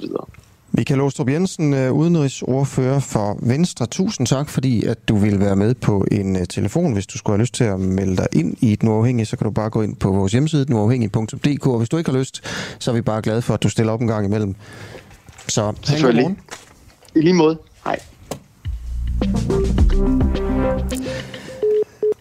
Ja, og øh, det er jo sådan, at det grund til, at vi også taler om det her, bare lige for at, at nævne det, det er fordi, det er tid til selvrensagelse, det siger regeringen mm-hmm. selv. Og jeg får altså lyst til lige at, at spille det klip, øh, som Øh, et lille klip fra presmødet igen. Altså det pressemøde, vi, øh, vi var til i går her på Den Uafhængige. Det var Clara Vind, som øh, var til presmødet i statsministeriet for at tale om, som gerne ville tale om indsatsen. op på podiet, der stod Mette Frederiksen, og der stod Jeppe Kofod. Og... Øh, og, og vi spørger så simpelthen, altså vi stiller jo bare det spørgsmål, som vi også stiller her til morgen. Hvilke fejl har de begået? Ja. Hvad har været forkert? Hvad har været rigtigt? Mm. Som er i forhold til regeringens håndtering af evakueringen her. Og i det her klip, der kan man altså så høre øh, Jeppe Kofod sige, at det gider han ikke snakke om. Han siger, at tiden ikke er nu. Tiden det er, er tid, ikke til det. det er tid til selvrensagelse. Tiden er bare på et andet tidspunkt. Og så kan man også høre til sidst, at uh, vores journalist bliver i rettesat af Mette Frederiksen, som ikke mener, at man skal afbryde, uh, når Jeppe Kofod taler. Det, og det er jo faktisk i sig selv interessant, det her med, hvis man ikke må afbryde ministre, når de taler, øh, når man ikke får svar på sine spørgsmål, så, så er det jo svært at arbejde som presse. det er jo det der med at afbryde. Jeg kan godt forstå, det er svært. Det er træls også at høre på, at man afbryder. Det gør vi jo også nogle gange, når vi laver interviews her. Øh, men, men hvad fanden skal man gøre, Jamen, når er, det, er det nu også så træls at høre på? Altså, jeg synes, ja, at det, det er værd Ja, det at høre være. på politikere, der bare får lov at løbe. Jamen, du kan høre øh, ham der, Clem Kjærsgaard. Ja, ja, altså men det er så også ham, man trækker op af hatten hver gang. Ikke? Man kan også gøre det mere elegant. Værsgo. Og så til sidst. øh, klar vind for den uafhængige. Nu ser jo udenrigsministeren selv, at den her udvikling i Afghanistan kalder på en selvrensagelse. Den kan vi jo tage hul på nu. Øh, fra begyndelsen af sommerferie til nu. Hvad er så den største fejl, du har lavet? Der er det, jeg siger, at, øh, at der bruger vi alle kræfter på nu at koncentrere os den operation, vi har i gang. Men kan du nævne fejl, Og så, så at sige, at øh, der er ingen tvivl om, at vores øh, militære tilbagetrækning var jo ikke en civil tilbagetrækning. Mm. Vi har, Afghanistan er vores største programsamarbejdsland med udviklingsbistand. Vi har investeret- milliarder, og vi gør det fortsat. Og der var det, og der var det, der var det øh, vigtigt for alle lande, ikke bare Danmark, også allieret, at øh, fortsætte med at støtte øh, et Afghanistan, øh, som var de, de øh, to årtiers fremskridt, vi havde opnået. Øh, nu er virkeligheden en anden, og det er kommet en hast, som ingen havde forudset. Så du kan ikke nævne en fejltagelse, du har lavet her de sidste halvanden måned? Jeg, alle de spørgsmål er vigtige at stille, den kommer vi tilbage til, men lige nu så handler det om en operation, vi har i gang. Jeg har lige et andet spørgsmål så. Øhm, der er flere eksperter, der ved at kritisere, at du har sagt, at vi har opnået en total fjernelse af al-Qaida i Afghanistan. Hvem er det, der lyver? Er det udenrigsministeren, eller er det de eksperter, der er ude at kritisere det? Jeg tror, at øh, alle må forståelse for, at i de her døgn, de her dage, de her timer, der øh, arbejder vi med al kraft, og jeg har også udtalt mig til medier mange gange, øh, og hvis jeg har udtalt mig upræcist, så øh, tager jeg ansvaret på mig, øh, fordi verden er mere nuanceret. Al-Qaida er selvfølgelig til stede øh, Må jeg i, bede om, at der ikke bliver afbrudt, når der bliver svaret, i, øh, trods alt. i Afghanistan øh, og udgør en, en, en trussel der. Men, men det vi så øh, manifestere sig 11. september i det forfærdelige terrorangreb mod USA, øh, Pentagon, øh, selvfølgelig tårnene i, i New York, den trussel, så, hvor Danmark også løftede ansvar for at fjerne den, Osama bin Laden osv., det var rigtigt og vigtigt, øh, og der er vi ikke i dag, men det betyder ikke, at der er masser af udfordringer, også med terrortrusler. øh, Og så når vi lige sidste spørgsmål. Ja, en øh, nyhed her fra, der lige er kommet her til morgen, mens vi står og sender. Øh, fly med evakueret er nu landet i Kastrup Lufthavn. Det er et SAS-fly med 84 personer, som er blevet evakueret fra Afghanistan, der er landet i København. Ombord på flyet er angiveligt lokalt ansatte og tolke, som har arbejdet for Danmark samt deres familier. Vi er på øh, dagens nyhedstjenester. Hvis der sker noget, så skal vi nok fortælle det. Så når du lytter til os her på en uafhængig morgen, så skal du ikke være bange for at gå glip af de store ting, der sker, selvom vi ikke har en stor øh, nyhedsredaktion, som man for eksempel har på DR. Vi skal også senere her på morgenen tale om, om, øh, om piger i folkeskolen må gå med bar mave. Ja. Øh, det må man ikke på en skole over omkring Vejle. Nej. Hvor det, hvad det hedder, crop tops. Det hedder en crop top, som åbenbart er blevet moderne. Det var det vist også nede i 90'erne, men det er kommet tilbage. Ja, en kort trøje, Ja. øh, hvor man kan se navlen. Der siger skoleledelsen, det er slut med det her på vores skole. Mm. Er det en rigtig beslutning af skoleledelsen? Det er- en debat, vi tager med borgmesteren i Vejle, men også med dig, der lytter med. Skriv ind på 1245, bare skriv DUA, først D-U-A-H, mellemrum, eller skriv ind på Facebook. Spørgsmålet er jo her, om vi skal have en seksualiseret skole, hvor man ser meget bar hud, eller om vi skal på en eller anden måde modarbejde den tendens. Ja, og nu er klokken blevet øh, 8 minutter over 8, og vi skal øh, hjem, og vi skal til Christiania. Fordi øh, vi stiller spørgsmålet, har christianitterne tabt kampen mod de øh, kriminelle hashpusher? Og det er jo en sag, vi har fulgt lidt her på den uafhængige med de møder, der har været, og den debat, der har været. Og derfor har vi øh, Claus øh, Danser, beboer på Christiania og initiativtager til mødet om at fjerne hashmarkedet med på en telefon. Godmorgen til dig, Claus. Ja, godmorgen. Skal Pusher Street ryddes? om Pusher skal, øh, skal ryddes. Ja. Jamen, øh, øh, hvis, du, øh, hvis du spørger om, øh, om det skal ryddes af politiet, eller hvad, altså, hvad, hvad er det, du... Øh, Jamen, skal det ryddes af nogen, politiet eller andre? Jamen, øh, det er lidt øh, et forsimplet spørgsmål. Altså, vi, øh, vi, vi er øh, i den gruppe er en del af, af den opfattelse, at, øh, at øh, hashmarked er løbet løbsk, og at, øh, og at øh, hverken vi eller politiet eller andre har mulighed for at kontrollere det. Og øh, så hvis, hvis, der, hvis der skal komme styr på det, så skal der ske nogle andre ting. Altså vores bud er, at, øh, at lovgivningen ser lidt på, på, på problematikken med, med, med lovgivningen, og, og hvordan loven eventuelt bliver håndhævet. Altså, men men hvis, hvis du øh, kun havde de to valg, at enten skulle Pusher Street ryddes, eller også skulle det ikke, hvad ville du hvis så jeg vælge? Havde, undskyld, det, det går dårligt igennem den lyden her. Jeg siger, hvis, hvis du havde øh, to valg, enten så skulle Pusher Street ryddes, eller også så skulle det ikke. Hvad er så dit svar? Jamen, så, så, så nemt og sort-hvidt er verden jo ikke. Altså, det, det giver jeg slet ikke svar på, hvis, hvis vi på det niveau, vi bevæger os. Nej, men det er jo bare for, for, for at høre, hvad, hvad du mente. Okay, Jamen, må jeg det, så spørge... høre, det, der er ikke nogen simple svar i det her spørgsmål. Nej, okay. det, det, er lidt for, det er for primitivt, det her. Det er for primitivt. Hvem, skal, hvem mener du så altså, skulle have lov til at kunne rydde Pusher Street? Hvad, hvad ville det være okay, hvis, hvis, hvis hvem gjorde det, altså? Altså sagen er ikke, om Pusher Street skal ryddes, eller om det skal ryddes. Vi har, vi har at gøre med et gigantisk stort hashmarked. Der er rigtig, rigtig mange mennesker, der rydder det hver, hver dag. Og, øh, og vi er den, øh, er den holdning, at, øh, at øh, det er et stof, der egentlig per lov, det gøres. Og, og vi kan umiddelbart godt se, at politikerne de er øh, ret øh, øh, øh fodslæbende på det her område. Men uanset hvad, så bliver der nødt til at komme nogle andre boller på suppen. Fordi at øh, hvis vi bare fortsætter med den øh, politiindsats og på, med den øh, bandekriminalitet, vi har, jamen så går det galt. Øh, og det er gået galt, og det kommer til at gå galt igen. Så øh, nu har vi råbt op og sagt, at vi, vi vil ikke have den kriminelle hashhandel længere. Øh, med andre ord, at vi enten gerne vil have den det lovligt gjort, eller man kigger på det på andre måder. Men øh, det vi oplever at med politiets indsats, det er også der, vi er sådan lidt tilbageholdende med, med at øh, bare bede om det. Det er jo, at politiet øh, ikke går efter banderne. De går efter de små fisk. Så det, det er ikke nødvendigvis en hjælp for os. Hvad er det så, I gerne vil have politiet gør? Skal de gøre noget? Ja, så politiet øh, øh, taler, altså de bruger alt, altså den term, der hedder, de, øh, de øh, bekæmper det udtrykshedsskabende hashmarked på Christiania. Det er den term, de bruger. Men, øh, men det er jo netop det, de ikke gør. Men hvad vil I gerne de have, de gør? Bare, de, tager, de, tager, de, de tager bare de små fisk, som ikke skaber utryghed. Men de store fisk, dem der med våben, dem øh, er bevæbnet, dem, dem går de jo en stor bud udenom. Så de skal gå efter de store fisk, og så skal de holde sig helt væk fra, fra de små fisk? Jamen det der vil da være en start i hvert fald, at man går efter de store fisk, dem der, er ligesom, dem, der skaber utrygheden, dem der er bevæbnet, og dem der er voldelige.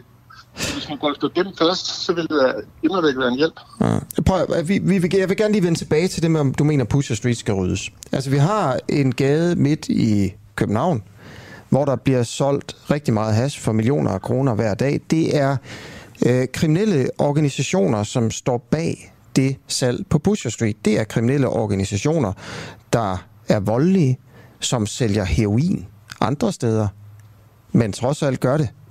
det vi, har, vi har at gøre med et meget voldsparat sted, Pusher Street. Der er eksempler på vold. Der er jo blandt andet en 22-årig Christianit, som i juli måned blev likvideret på klodshold med et pistolskud. Altså, det er det, vi ja. taler om. Ja, det er det, vi taler om, ja. Og så, og så, og så hvis vi spørger dig direkte... Nej, nej, fordi jeg vil ja. gerne stille spørgsmålet. Mener du, at Christiania selv burde rydde Pusher Street? Christiania er et civilsamfund. Vi har ikke nogen magtmidler. Hvis vi, hvis vi gjorde det, så ville det jo være lige et betydende selvtægt. Ja, okay. Det det Men, mener du så, at, at, at nogen som så... helst burde, burde rydde Pusher Street? Prøv at høre, det, det er fuldstændig indsporet jeres spørgsmål. Altså det, du kan da bare svare på det. Hvis vi, altså, du er jo en markant hvis, stemme hvis, på Christiania. Hvis vi, hvis vi rydder, hvis vi rydder, hvis vi det vi skal forholde os til. Ja, men jeg, jeg vil gerne lige motivere spørgsmålet her, fordi jeg kan jo høre, at du er i gang med at snakke udenom. Du er en, en markant stemme på Christiania, fordi du er initiativtager til det møde, der blev holdt i søndags, hvor man debatterede, om Pusher Street skulle ryddes. Det endte med, at det skulle det. Det mente man ikke. Det skulle. Nej, det er, ikke spørgsmålet, det, det er ikke det, vi diskuterede. Sp- spørgsmålet er her, om Christiania altså er en troværdig partner. Det er det, jeg sidder og tænker, og det er det, som jeg tænker, vi også... Det er ikke det, vi diskuterede i søndags. Nej, no, okay. Mener dem, så lad mig spørge dig her. Mener du, at nogen burde rydde Pusher Street? Det, det, det, der, det er for primitivt, det her. I må, I må finde nogle andre snakke med. Det der, det dur ikke. Vi ses. Hej. Det var han ikke sådan udpræget meget for at svare på. Det var altså øh, Claus Danser, øh, beboer på Christiania, og initiativtager til det møde, der var i søndags, øh, hvor 300 kristianitter skulle mødes øh, for at øh, snakke om, hvordan man kunne fjerne hasmarkedet fra Christiania. Det var altså det, der var øh, formuleringen her. Øh, hasmarkedet, der jo er på, øh, på Busher Street. Ja, øh, der er kommet nogle øh, kommentarer ind på den ja. også. Øh, René Bigum skriver på Facebook, at kristianitterne har ingen kamp mod Pusher Street. Det har politiet, og den er tabt. Lige nu spørger I ind til, om beboerne skal ty til selvtægt, hvilket lyder lidt plat. Spørg ind til, hvad borgerne kunne se som en løsning i stedet. Mm. Det nåede vi jo så ikke, kan man sige. Jo, ja, han sagde jo også, altså det, det som han mener, og kristianitterne mener er en løsning, det er legalisering af has. Ja. Øh, fordi så, så får man ikke kriminelle bander, der står der står bag det, og så bliver det afkriminaliseret og øh, foregår, altså vil foregå under mere fredelige forhold. Ja, men indtil vi når derhen, så kunne det være interessant at høre, hvad, hvordan de så vil løse det. Ja. Øh, og Mikkel Hansen, øh, det er altså ikke håndboldspilleren, men en anden Mikkel Hansen skriver på vores Facebook-side, om politiet skal rydde Pusher Street, som de har prøvet hver dag siden den åbnede, tager nu sammen. Når I stiller spørgsmål. Gangster i resten af byen er skulle lige så slemme eller værre. øh, og Marianne skriver, at det fandme er stærkt af øh, vores kilde her, Claus Danser, at han forlader det her tåbelige interview. Øh, I er nogle amatører, skriver Marianne til øh, os to med det. Klokken er blevet kvart over otte. Det her, det er den øh, uafhængige. Og vi skal videre. Skal vi ikke bare gå videre til det næste interview? Jeg synes, at vi skal, fordi vi har jo øh, Kjell Holm, som er formand for Sjællands øh, Storkreds, som jo er øh, Nasser Carters øh, valgkreds øh, med på bånd, hvor han øh, vil fortælle lidt om, hvad han mener om hele den her situation med Nasser Carter. Ja, det er jo Carter, der er på forsiden af dagens aviser. Øh, Ekstrabladet skriver, at det er øh, en katastrofe. Sådan blev Carter slagtet, kan man læse i Ekstrabladet. Historien er, at Nasser Carter nu er blevet smidt ud af... Nej, han nåede vist lige at gå, inden de officielt smed ham ud, men de havde sagt til ham i det konservative folkeparti, vi smider dig ud, Carter. Og så nåede han lige at sige, jeg går selv. Ja. Øhm, så han er altså gået fra de konservative. Og i Sjællands Storkreds, der kæmpede man i 2019 hårdt for at få Nasser Carter valgt ind i Folketinget, og nu er han så smidt ud på grund af de her sager om seksuelle krænkelser. Og efter Søren Papes pressemøde i går, der spurgte vi, øh, det var øh, vores kollega Mads Bjergård, formanden i Storkredsen, Kjell Holm, om hvad han tænker om, at Carter nu er fortid i det konservative Folkeparti. Jamen, øh, nu har jeg jo ikke set øh, øh undersøgelsesgrundlaget, øh, men jeg har øh, stor tillid til, til øh, partiets ledelses dømmekraft i den her sag. Og øh, der må jeg forstå, der har ikke været andre veje end at sige farvel til Nasser Carter. Altså, I støtter ikke Nasser Carter længere? Nej, det gør vi ikke. Okay, jamen øh, fortryder I så noget af det? Øh, altså, fordi jeg kunne se, at han har fået en masse personlige stemmer i Sjællands Storkreds øh, sidste gang. Nej, øh, øh, vi, vi, vi, vi, vi, vi fortryder ikke noget. Øh, vi valgte øh, Nasser Carter dengang, øh, fordi øh, vi havde indtryk af, at han kunne bibringe Storkreds Sjælland øh, noget. Og så er den her øh, situation jo så opstået øh, i løbet af øh, i år, og det ændrer selvfølgelig situationen. Men det lyder jo ikke helt som om, at, at situationen som sådan er opstået det her år. Altså, det er jo noget, der er, er, er foregået i mange år, ikke? Ja, men, men, men det er ikke noget, vi har været bekendt med. Nej, føler I, ikke, det... føler I så Fordi nu sagde Søren Pape i dag til, på pressemødet, at, øh, at der havde været øh, rygter i, øh, i, i, i lang tid. Ja. Øhm, og man ikke helst går med rygter. Man føler jeg ikke svigtet, hvis man inde øh, på Christiansborg, øh, blandt de konservative øh, politikere, har kendt til det her? Nej, det vil jeg ikke sige. Øh, det vil jeg ikke sige. Øh, øh det, er, det er her øh, med, med, med, med, med DR's artikel, at det her øh, kommer frem, og det er vi selvfølgelig nødt til at forholde os til, og det har partiet gjort, og det har det efter min opfattelse gjort øh, både seriøst og ordentligt. Og det har så den konsekvens, at øh, Nasser han må forlade partiet. Men hvis du, nu, så, hvis du nu selv havde kendt til de her rygter i forvejen, hvordan havde du så ageret anderledes? Jamen, så havde vi nok i forhold til Nasser Carter spurgt øh, nærmere ind til. Altså, øh, det vil jeg da mene. Øh, nu er det ikke mig, der sidder som valgkredsformand, men øh, det vil jeg da mene. Men havde det så ikke, også været, havde det så ikke også været passende, øh, Kjeld, at man havde, øh, at man havde øh, fra konservative ind på, øh, på Christiansborgs side kontaktet jer og sagt, at der er altså flere rygter omkring ham her?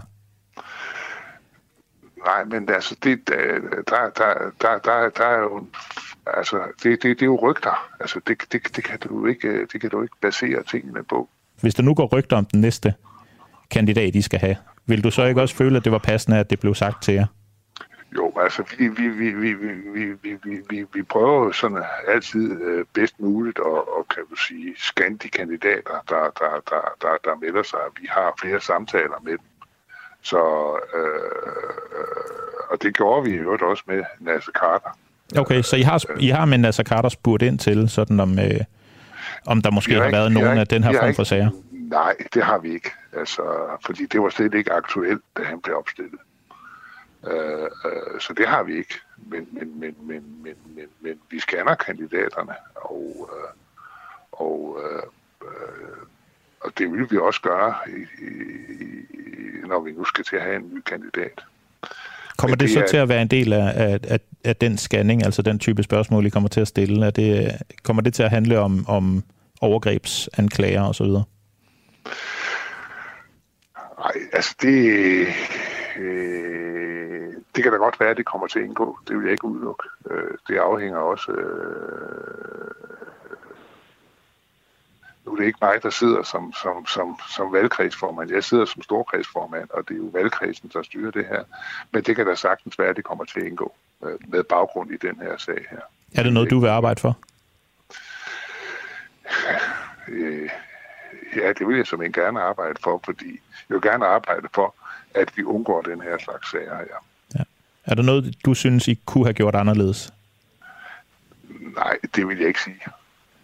Det vil, det vil jeg ikke sige. Jeg synes, vi havde i forbindelse med Nasser Carter en, en, en, en seriøs gengang øh, i forhold til hans øh, kandidatur. Øh, men, men vi havde ikke fokus på, på, på, på, på overgreb og det her, og det øh, kan jo sikkert være lærende, at det skal vi have, det skal vi have en anden god gang. Du lytter lige nu til Den Uafhængige. Danmarks måske mest kritiske, nysgerrige og levende radio. Løver de, løver de, løver de, løver de, løver de, løver de. Hvis du har en god idé til en historie, så skriv til os på Facebook eller send os en mail. Adressen finder du på hjemmesiden Ja, klokken er 22 minutter over 8. Lige om lidt skal vi øh, til sygeplejerkonflikten, men inden da vil jeg bare lige nævne et lille, øh, jeg vil bare gerne lige spille et lille klip øh, fra engelsk BBC radio. Det handler om, hvor farligt det er i Kabul lige nu. Og øh, der er jo flere historier om det her, blandt andet også øh, på, på DR, hvor en dansk familie på flugt øh, har set en blive skudt ved en øh, Taliban-kontrolpost. Det er altså en dansk familie, der er i Afghanistan. De var dernede for at besøge, altså det var en dansk-afghansk familie, nede for at besøge et familiemedlem, øh, som er sygt. Og så, øh, og så nu vil de ud. Men de tør ikke tage hen til lufthavnen, fordi der er en kontrolpost. Mm. Og ved den her kontrolpost, øh, der skal man ligesom sige, hvem man er og hvad man skal i lufthavnen, og det tør de simpelthen ikke. Og der er billeder af, hvordan de står og pisker altså Taliban-soldaterne sådan pisker folk, der kommer derhen. Øh, og de har altså også set en blive skudt hen ved kontrolposten. Mm. Og det er derfor, man ikke tager i lufthavnen. Det er også derfor, at der er mange fly, der letter fra lufthavnen i Kabul, uden særlig mange mennesker i. Fordi folk simpelthen ikke tør at tage dig De kan ikke komme igennem. Der er til synligheden nogen, der rent faktisk bliver lukket igennem, men dem, der så ikke gør, de øh, risikerer så ja, at blive pisket, og det der er værre til synligheden. Og Taliban har lovet, at alle, der arbejder for Vesten, godt må forlade landet, men det er altså ikke øh, folk, der, øh, der er ikke mange, der tør at tage ud i, i lufthavnen. BBC har talt med en, jeg vil lige spille et kort interview her. Det er på, på engelsk, det var ikke så længe. Det er en anonym person, der har arbejdet som tolk for øh, den, øh, de engelske styrker. Just all the time I'm just feeling tired because I'm thinking a lot. So what's gonna happen to me? What's gonna happen to my kids? So uh, life is very difficult for me in here. this four or five days. I don't know what gun I should do. You have contacted the British authorities and you have got permission to come to the United Kingdom. Are you able now to get to the airport? Are you able to come and travel? I don't know because uh, uh, lots of people, lots of the interpreters that they are right now, they're they were beaten by Taliban. So if I go there, uh, my kids, my wife, they will be. Uh, sorry, sir. I don't know how I should go there. Yeah. So how can I get myself and my family to the airport? It's very difficult. From my home all the way to the airport, there's a lot of checkpoints. The documents with me and the telephone with me, there's all full of evidence. My email, my WhatsApp number, a lot of the British colleague that I have, uh, the, I have their number on my phone. Are there more documents that you need before you can leave? My passport's still under review. They were just working on it. The Taliban say they have changed, that they will not attack those who have worked in the government for the West. Do you believe them? They are just lying, sir. They are now busy on the checkpoints. They are busy on the police departments. They are selecting our people there. You will see that uh, those people working with NATO, ISAF, or governments, they will be killed one by one by them. Der siger tolken altså her til sidst, at øh, Taliban øh, allerede er i gang med at, at dræbe dem, der har arbejdet som tolke for de vestlige styrker her.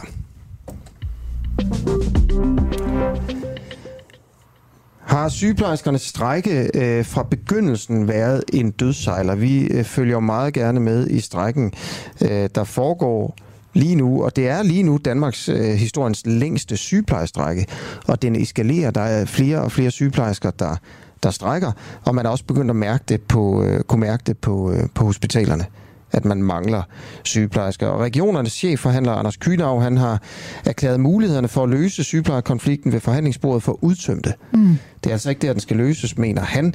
Dansk Sygeplejeråd, som jo er fagforeningen, kræver et opgør med den såkaldte tjenestemandsreform, og ifølge den arbejdsmarkedsforsker, som vi skal tale med nu, der er det fuldstændig urealistisk. Carsten Strøby Jensen, det er dig fra Københavns Universitet, der er igennem. Tak for det.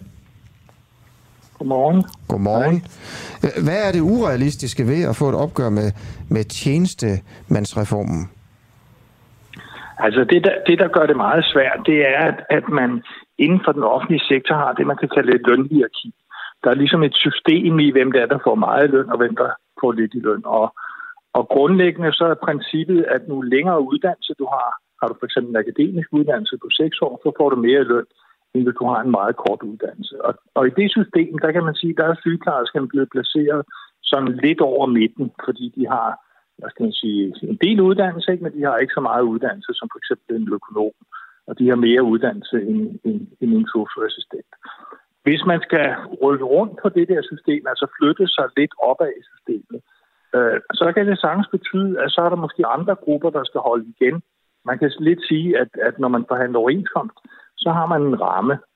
Typisk, man bliver enige om, de næste to-tre år, der skal vi stige 5, 6, 7 procent i løn, et eller andet der. Og hvis der er nogen i den her samlede gruppe af offentligt ansat, for eksempel sygeplejersker, som, som på en eller anden måde synes, at de bør have ekstra meget, altså mere end de, lad os sige, 6 procent, de vil have 8 procent, ja, så, så ender det let med, at pengene de skal komme fra nogle af de andre grupper i den offentlige sektor. Og ikke overraskende, så synes de andre grupper i den offentlige sektor, at det er en dårlig idé.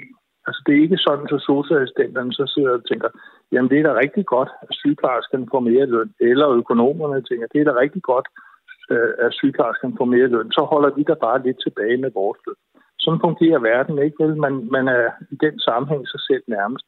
Og det er ligesom det, der gør, at det er meget svært at skifte, for ikke nærmest at sige umuligt, at skifte position inden for, for, for det offentlige.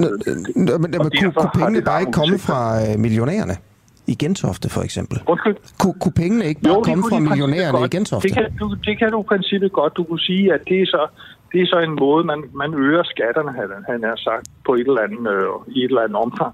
Men, men også i den sammenhæng vil det jo så være sådan, så socioassistenten vil sige, jamen øh, jeg synes sådan set også, at jeg gør øh, et godt stykke arbejde, så jeg vil også gerne have en del af de penge, som så kommer fra millionæren i Gentofte. Hvorfor skal alle de penge gå til sygeplejersken? Hvorfor skal ikke nogen af dem gå til mig? Jeg har jo også et hårdt job. Jeg slider også i det. Jeg synes også, jeg får for de løn. Det er også et kvindefag, som sygeplejerskerne. Så, så, så det er ikke bare sådan en løsning, at man ligesom siger, at alle, alle millionærens penge i Gentofte, de går til sygeplejersken. Der vil være andre, der siger, at øh, det er også en god idé, at vi får nogle af de penge. Og det er jo, kan man sige, konflikten i sin kerne, som den ser ud. Så, så det du siger, det er... Udover at- der så kan være nogen, der synes, der synes at man ikke skal beskatte millionæren. Ikke? Det kan så være, hvor meget skal man betale skat og sådan noget. Men det er jo en anden diskussion. Jo, jo. Så det du siger, det er, at altså, hvis sygeplejerskerne kommer til at få det, de gerne vil have, eller lidt af det, de gerne vil have, altså mere løn, så vil det egentlig bare anspore de andre fag til også at kræve mere i løn. Og så vil, det, så vil der komme vil- sådan en dominoeffekt. de vil, de vil også synes, at, at, at det er rimeligt, at de får. Og de vil, hvis man nu ser på den konkrete situation, så vil de tænke, jamen vi har jo, om jeg så må sige, været flinke og lade være med at gå i, i strejk og sørge for, at, ligesom, at samfundet kører videre øh, og acceptere de overenskomster og de rammer, der ligesom har været. Skal man belønnes for at gå i konflikt, jamen så kan det da godt være, at vi overvejer at gå i konflikt næste gang. Altså, at vi så også socioassistenterne for eksempel strækker på et område. Ja. Og, og vil det ikke være meget godt, eller hvad? Jo, det kan sagtens være godt, øh, men det siger lidt om, hvorfor det er så meget svært, også for, for arbejdsgiverne at acceptere for eksempel en særlig lønstigning for, for hvad hedder det nu, øh, for, for sygeplejerskerne, fordi at de så øh, vil blive, det, det så vil blive opfattet som uretfærdigt i forhold til nogle af de andre grupper. Øh, Øh, Sygeplejerskerne har nu strækket i 61 dage. I mandags blev det udvidet med 225 ekstra sygeplejersker, så der i alt er 5.700 strækkende sygeplejersker. Det svarer til cirka hver tiende sygeplejerske i Danmark. Og den 25. august, den 31. august og den 5. september, så træder de øvrige varslede udvidelser af strækken i kraft. Det vil sige, at der er endnu flere, der vil strække de dage. Og 5. september, der vil antallet af strækkende sygeplejersker være kommet op på 6.500. Øhm, Okay, hvad, hvad ender det her med? Ganske kort, øh, tror du, Carsten Jeg Strøby tror, det ender med, det, det, det, ender med et regeringsindgreb. Altså det, at, at hvad hedder det nu, regeringen går ind og laver et ophøjer noget til lov. Og det, de vil ophøje til lov, det er, at man har tidligere lavet en aftale i det, der hedder forlisinstitutionen, hvor sygeplejerskernes øh, ledere, altså lederne af sygeplejerskeorganisationen, faktisk sagde ja til de overenskomster, de blev så stemt ned af medlemmerne. Og det vil formodentlig være det, der vil være udgangspunktet for, for, for, for et lovindgreb. Øh, jeg tror, det, der sker i øjeblikket, det er, at de, de har måske lavet overvejet et stykke tid, om man skulle lave det lovindgreb, men nu er der kommet hele den her Afghanistan-situation, som I lige har beskrevet så fint, øh, som gør, at det, det er måske lidt upassende at begynde at blande sig i, altså, i arbejdskonflikter, når nu hele verden står i brand på nogle andre områder. Okay. Men det kommer. Okay, øh, ved du hvad, Carsten Strøbe Jensen, arbejdsmarkedsforsker på Københavns Universitet. Tusind tak, fordi du var med. Må jeg lige spørge dig om noget sådan helt teknisk, bare sådan bagom her. Øh, vi havde lige noget om Afghanistan, inden du kom på, og du hang sådan på telefonen og ventede på, at vi skulle spørge dig om noget. Ja. Kunne du godt høre det lydklip, vi havde med, øh, med den her afghanske tolk, der snakkede engelsk? Nej, nej, det kunne jeg ikke. Nej, det kunne du stadigvæk ikke. Okay, det er en af de ting, vi arbejder på, sådan rent teknisk nemlig, at få dem, der er med på telefon okay, til, at, ja. til at ja, høre det er jo vores klip. klart, at hvis man skal kommentere på det, Ja. så, skal man, øh, så skal man kunne høre det. Men det, nej, jeg kunne ikke høre det. Nej, nej, okay. Så, så lyttede spændt. Ja, men have en rigtig god morgen. Ja, tak. Selv tak. I lige måde. Hej. Hej. Om cirka 10 minutter, der skal vi snakke med borgmesteren i Vejle for at høre, om han mener, at øh, skoler i Vejle skal tillade øh, korte bluser, øh, der hedder crop tops, øh, som pigerne har lyst til at gå i, fordi det er mode. Det ved jeg, at det er. Jeg har selv børn. Men, øh, men det vil skolerne ikke have. Nej, den her skole vil i hvert fald ikke. den her skolevæg. Mm. Er det den rigtige beslutning, skolen har truffet, eller er det den forkerte beslutning? Det spørger vi borgmesteren om. Vi spørger selvfølgelig også dig, der lytter med. Du kan skrive på Facebook i vores øh, kommentarspor, og du kan skrive øh, en sms på 1245. Bare skriv DUA, D-U-A-H, mellemrum, og så hvad du mener om den sag. Ja. Og nu skal vi et lidt andet sted hen. Vi skal nemlig øh, til Pride. Det er jo sådan lige nu, at der er masser af flotte regnbueflag, når man øh, bevæger sig rundt.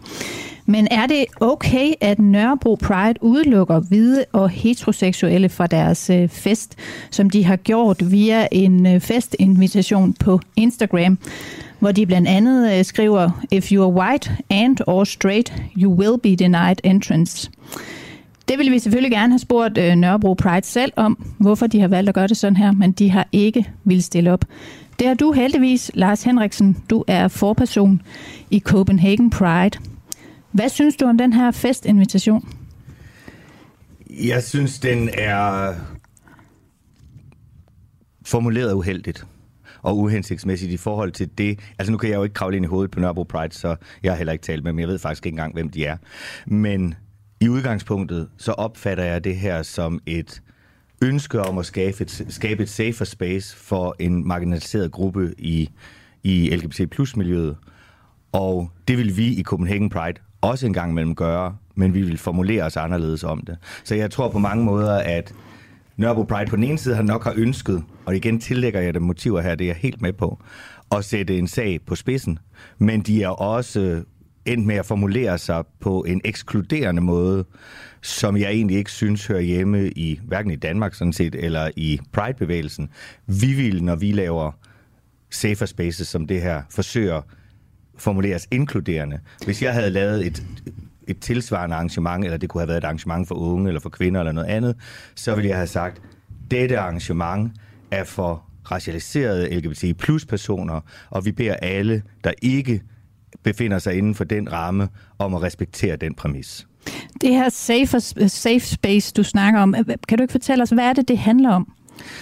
Jamen, jeg tror, vi alle sammen samtidig er i en situation, hvor vi har behov for at være sammen med mennesker, som deler erfaringer med os, og hvor vi ikke behøver at forklare os selv øh, hele tiden, eller forsvare os selv. Hvor vi bare kan sådan lade skuldrene falde ned og være sammen, uden overhovedet at skulle de- definere os, eller, eller øh, hvor vi kan i kraft af de erfaringer, vi har i fællesskab, måske regenerere vores batteri øh, og som aktivister øh, have energi til at gå ud og være aktivister i morgen også i det samfund, hvor vi er en minoritet.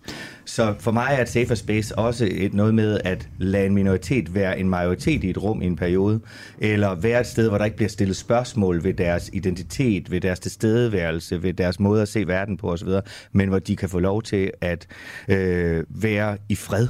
Hvis man så forestiller sig, at der var en øh, gruppe hvide straight mænd, som gerne ville holde en fest, hvor de også ville have det her safe space og bare kunne have lov til at være hvide mænd, og så havde øh, formuleret øh, på Instagram, at øh, hvis man er QTIBIPOC-person, så bedes man venlig, uh, bli, venligst blive væk. Hvordan vil du så have reageret?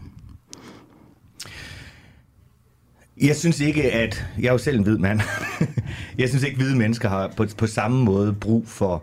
Øh, eller i hvert fald kan man sige, majoritetsmennesker har ikke... Og, og vi er jo majoriteter i alle mulige sammenhænge, og i andre sammenhænge er vi minoriteter. Jeg synes ikke, at man som majoritet har brug for et safer space på samme måde, som man har som en minoritet. Hvor ved du det øh, fra? Derfor, jamen, jeg, jeg siger, det synes jeg. Øh, det ved jeg ikke nødvendigvis noget om. Jeg siger, det synes jeg.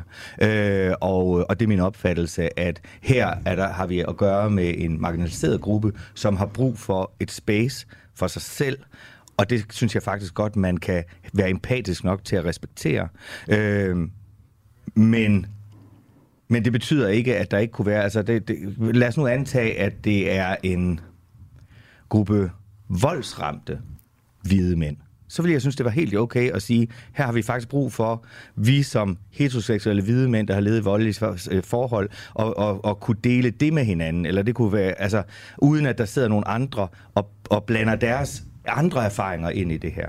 Så jeg synes, det, det er kontekstbaseret det her. Jeg synes, at man øh, farer op i en, en meget voldsom retorik mod Nørrebro Pride, i stedet for at forsøge at forstå, hvad det er for et behov, der ligger bag. Og prøv, altså, der var Men- en, der men det er jo også det er jo ligesom, når vi, når vi rejser os for ældre mennesker i bussen, at vi viser en empati over for andre mennesker. Men det er jo også, nu siger du, det er en voldsom retorik, men det her er jo også en meget øh, voldsom øh, retorik at sige, at hvis du... og det medgiver jeg også i det, jeg siger, øh, at vi vil ikke have formuleret os på samme måde, og jeg synes, det er, og det har jeg sagt, jeg synes, det er en uhensigtsmæssig måde at, øh, at øh, formulere sig på. Der er så nogen, der bliver voldsomt agiteret over, at jeg bruger ordet uhensigtsmæssigt over det, om det, men det er fordi, jeg jo, jeg jo i nogen grad spekulerer lidt på, hvad har været hensigten bag det her. Og jeg synes ikke, hvis, hvis jeg har ret i, hvad der har været Nørrebro Prides hensigt, så ender det jo med, at den hensigt bliver skjult bag den retorik, de bruger, og derfor er det, jeg bruger ordet uhensigtsmæssigt. Det er ikke fordi, øh, at jeg ikke synes, at det er ekskluderende, og jeg bryder mig ikke om ekskluderende sprogbrug. Nu er, nu er det der med if you're white, altså det handler jo simpelthen også øh, om hudfarve, det her. Hvad, hvad tænker du om det? Jamen, at man kan sige, altså uanset hvordan vi vender og drejer det, bare kig rundt i det her studie. Altså, vi er jo et enormt hvidt samfund, og derfor kan jeg godt forstå, at man som racialiseret person i Danmark samtidig kan føle sig andetgjort, eller føle sig som en meget lille minoritet, eller tænke, jeg har brug for at samles i et rum, hvor, det er, hvor min hudfarve overhovedet ikke er et issue, fordi vi alle sammen ligner hinanden. Og det safer space, det, det kan jeg faktisk godt forstå, hvorfor der er et behov for. Jeg kan også godt forstå øh, og respektere det. Øh, men, det. Men vi kan jo ikke have et samfund, hvor, hvor det generelt er sådan. Men det her lille private arrangement, der kan jeg faktisk sagtens respektere det som hvidt menneske, og ikke behøver at overskride grænsen for det. Men har I store problemer med, med hvide, straight mennesker, der simpelthen gerne vil med til de her fester? Altså, jeg har jo ikke... det, det, altså, Nej, men de i din fester, erfaring, så, men, øh, øh, så, så taler vi jo ind i Nørrebro Pride, og der har jeg ikke... Altså, det, jeg har ingen erfaring med Nørrebro Pride. Men man kan sige, der har jo været masser af diskussioner også i LGBT plus miljøet over tid om øh, for eksempel, at LGBT plus personer har synes, at der var for mange ikke LGBT plus mennesker på de bar, vi har. Det er jo så mange bar mødesteder for eksempel, at de er på en eller anden måde blevet overtaget af en anden gruppe, så vi ikke har det der safe space der længere og så videre. Og det er ikke fordi, jeg synes, at man på nogen måde skal lave dørpolitikker på bar og så videre. Øh, men jeg siger bare, at diskussionen har været der tidligere. Så det er jo ikke fremmed, øh, at man en gang imellem ytrer ønsket om, kan vi ikke få lov til at have, have, lige have det her rum for os? Øh, men, men jeg troede jo, en del af hele det her Pride var, at man gerne vil øh, inkludere sig og være en helt normal øh, del af, af samfundet. Et- Det her virker vel modsat? Jamen ikke nødvendigvis, og det fordi, altså når vi laver Pride, i Copenhagen Pride, så laver vi det store mainstream øh, øh, arrangement, hvor alle er inkluderet, og hvor vi faktisk inviterer alle til at komme og være med, og hvor vi ønsker at skabe bro mellem LGBT-samfundet, det øvrige samfund, og at vi allierer os med hinanden. Det er fuldstændig udgangspunktet. Men vi laver også arrangementer for særlige grupper. Det kunne være unge for eksempel, som har brug for et særligt øh, øh, mødested, hvor der ikke står voksne og blander sig, eller øh, hvor man, og hvor man kan dele erfaringer om det at være ung LGBT-person lige nu. Øh, så, så vi skaber også safer spaces, og det gør vi jo for, at når de unge så har mødtes i det rum, så har de øh, kan man sige, rygstødet og communityet til at gå ud i det større rum. Så for mig er det her, kan man sige, det kan ikke stå alene. Det er ikke sådan, vi skal lave LGBT-kamp alene, men det, og, men det kan eksistere, fordi vi også har det store inkluderende fællesskab. Så er det sådan set okay at sige, nu går vi lige her ind og lukker døren i den samtale, vi har, fordi her har vi brug for ikke at blive forstyrret. Det synes jeg sådan set er okay. Okay, øh, jeg, jeg står lige og tænker på noget, du sagde i starten her. Øh, Lars Henriksen, du er forperson i Copenhagen Pride, og det er jo jer, der arrangerer øh, den her Pride, der ja. er i København lige nu. Og så er der ligesom en parallel organisation, som er lille bitte, tror jeg, der hedder Nørrebro Pride, der arrangerer noget, som har været genstand for en masse debat. Og de altså arrangerer simpelthen en fest, hvor man kan sige folk, der ikke... Øh, jeg, jeg ved næsten ikke, hvad man skal sige. Kan man sige almindelig heteroseksuel? Øh, det kan man sikkert Okay, godt. Ja, jeg ved, jeg, jeg resten af dit spørgsmål. Helt nervøs. øhm, ikke må komme ind. Altså en fest, hvor, hvor, hvor, hvor det kun er øh, QTIBIPOC øh, folk, som er velkomne. Og det har været genstand for en masse debat. Du siger, at den måde, de har formuleret det på, det er uhensigtsmæssigt. Men du har egentlig gjort det samme selv. Ja. Så har du holdt arrangementer, hvor øh, almindelige heteroseksuelle ikke har været velkomne? Fordi de var almindelige heteroseksuelle? Jeg har lavet arrangementer, hvor mænd ikke var velkomne. Jeg har lavet arrangementer, hvor ciskønnet ikke var velkomne. Jeg har lavet arrangementer, hvor øh, voksne ikke var velkomne. Altså, safer spaces Men er... har du, har du holdt arrangementer, hvor altså, man ikke er velkommen, fordi man er heteroseksuel?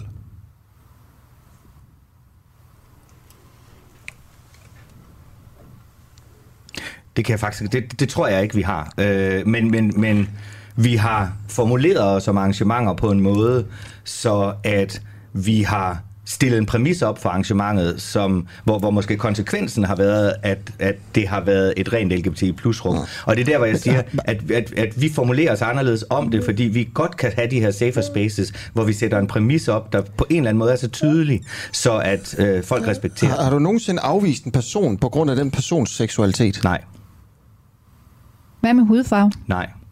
Men, men hvordan, altså, så når du har holdt et arrangement, der kun var for en særlig seksualitet, eller hudfarve, eller et eller andet, eller køn, øhm, så, så har du bare været så heldig, at der ikke kom nogen, ligesom, der ikke passede ind.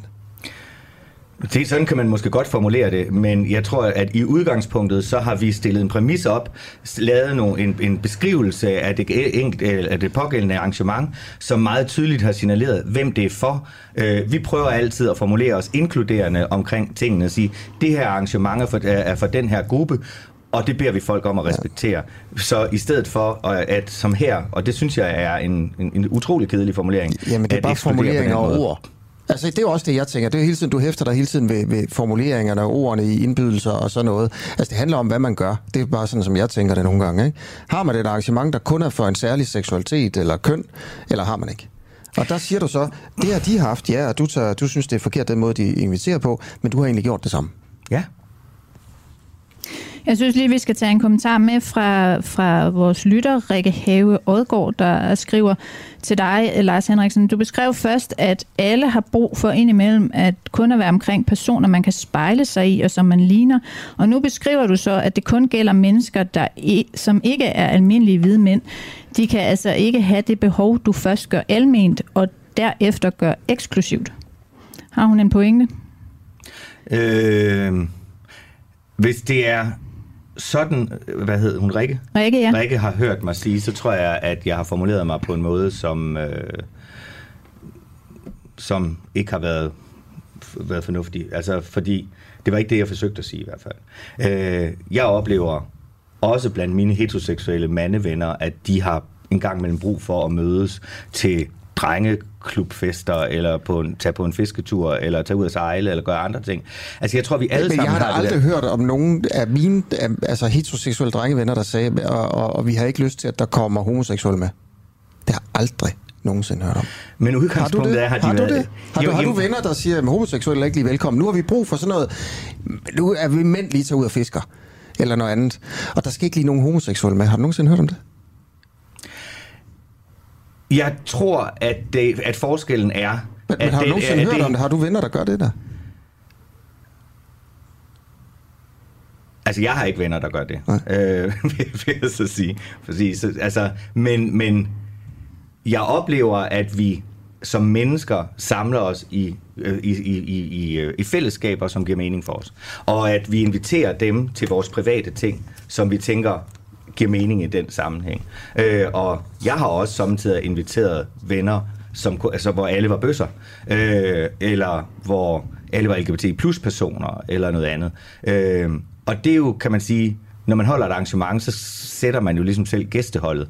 Øh, og, øh, og det synes jeg sådan set ikke, der er noget odiøst i. Det må man, altså lig- ligesom når man inviterer til en fest, så, så, så inviterer man jo dem, man Men selvfølgelig mødes man med, med sine venner og dem, man øh, ligesom har interessefællesskaber øh, med, men der er jo meget langt fra det, og så til at sige, at vi holder en fest, og hvide øh, heteroseksuelle mennesker er ikke velkommen.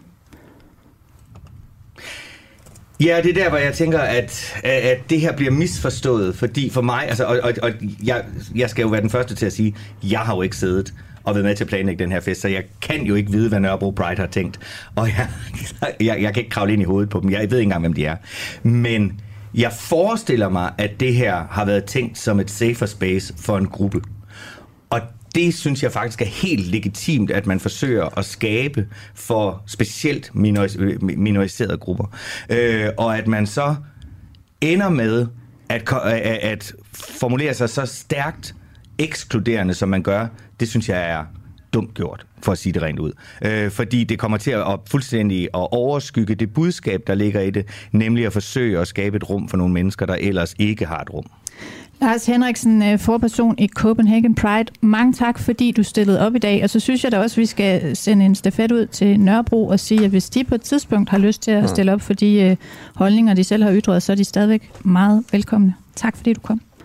Ja, tak for det. Øh, og klokken er 10 minutter i... Øh i 9. Øh, du lytter til den, øh, den uafhængige. Øh, hvis du synes, det her det er godt at lytte til, så er du meget velkommen til at sige til din nabo.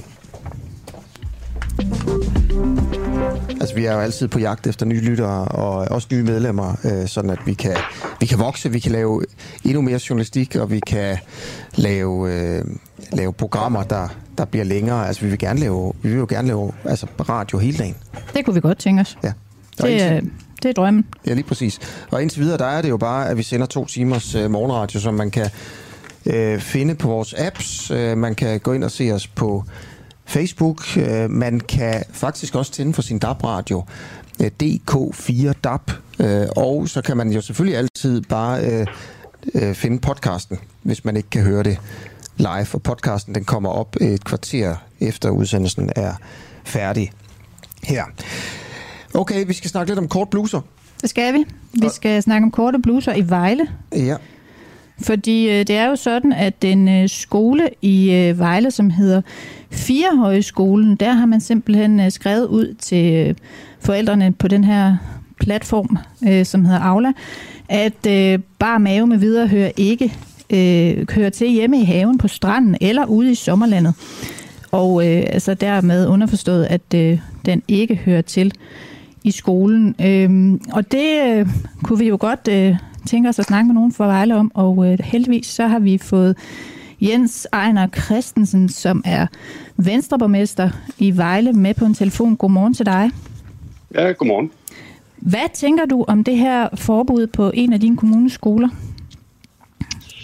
Jeg synes øh, først, at det er rigtig godt, at man har taget fat i øh, debatten med, med de unge øh, mennesker om, at øh, den påklædning, som man går i, at den øh, sender nogle signaler, det synes, jeg er, det synes jeg er en rigtig fin debat at have. Men, må, øh, må jeg lige spørge dig, har, har man taget fat i debatten? Har man ikke mere, mere bare udstukket et dekret? Jo, men man kan da sige, at det har skabt noget debat. Øh, der er jo stort set ikke det medier i hele Danmark, der ikke har grebet historien, så det, det synes jeg sådan set er, er rigtig fint. Det, det er jo også en del af, øh, af det at være på en, øh, på en folkeskole, at de kan være med til at sætte en dagsorden, og det er da i hvert fald lykkedes her. Øh, der, grunden til, at jeg er gået ind i debatten, og der hvor jeg lige løfter en pegefinger, det er jo, at øh, når man begynder at lave forbud eller lovgive omkring øh, påklædning, så kommer man over i et meget, øh, i et meget politisk univers eller rum. Øh, og det er jo øh, det er, det er sådan min øh, grund, grundsynspunkt som øh, liberal. Der er det jo, at jeg synes, det er en meget privat og meget personlige ting, øh, hvad det er for noget tøj, man tager på. Hvad er det for en pegefinger, du har løftet, og øh, hvad, hvad består den konkret i?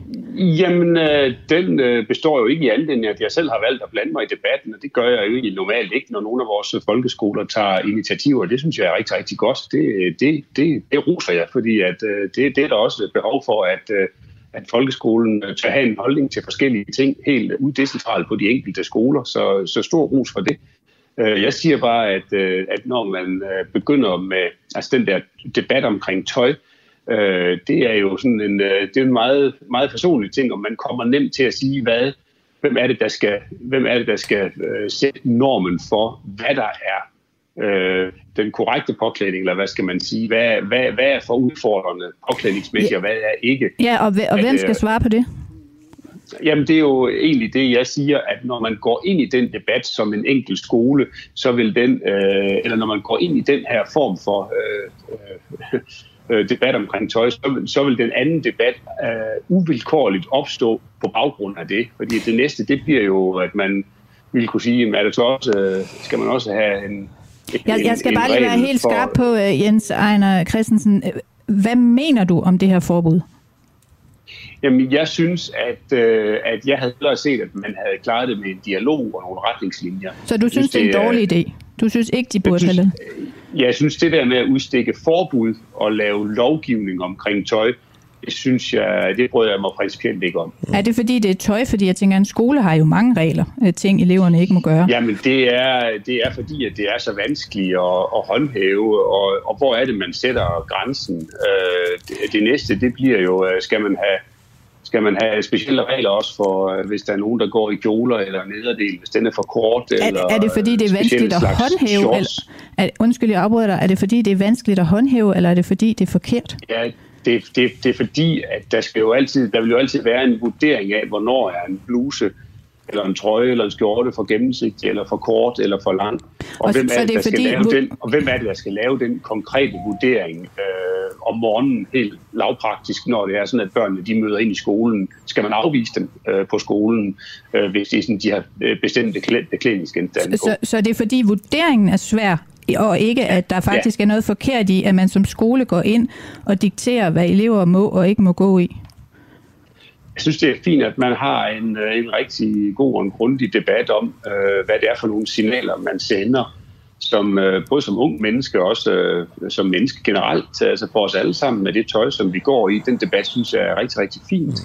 Øh, jeg tror, det har øh, været lige så godt, hvis man har lavet nogle retningslinjer, haft en dialog med børnene om, øh, hvad man, øh, hvad man skulle, øh, hvad, er det, hvad er det for signaler, man sender, når det, man klæder sig på og går i skole. Det, det, det tror jeg har været en lige så god måde at håndtere det på.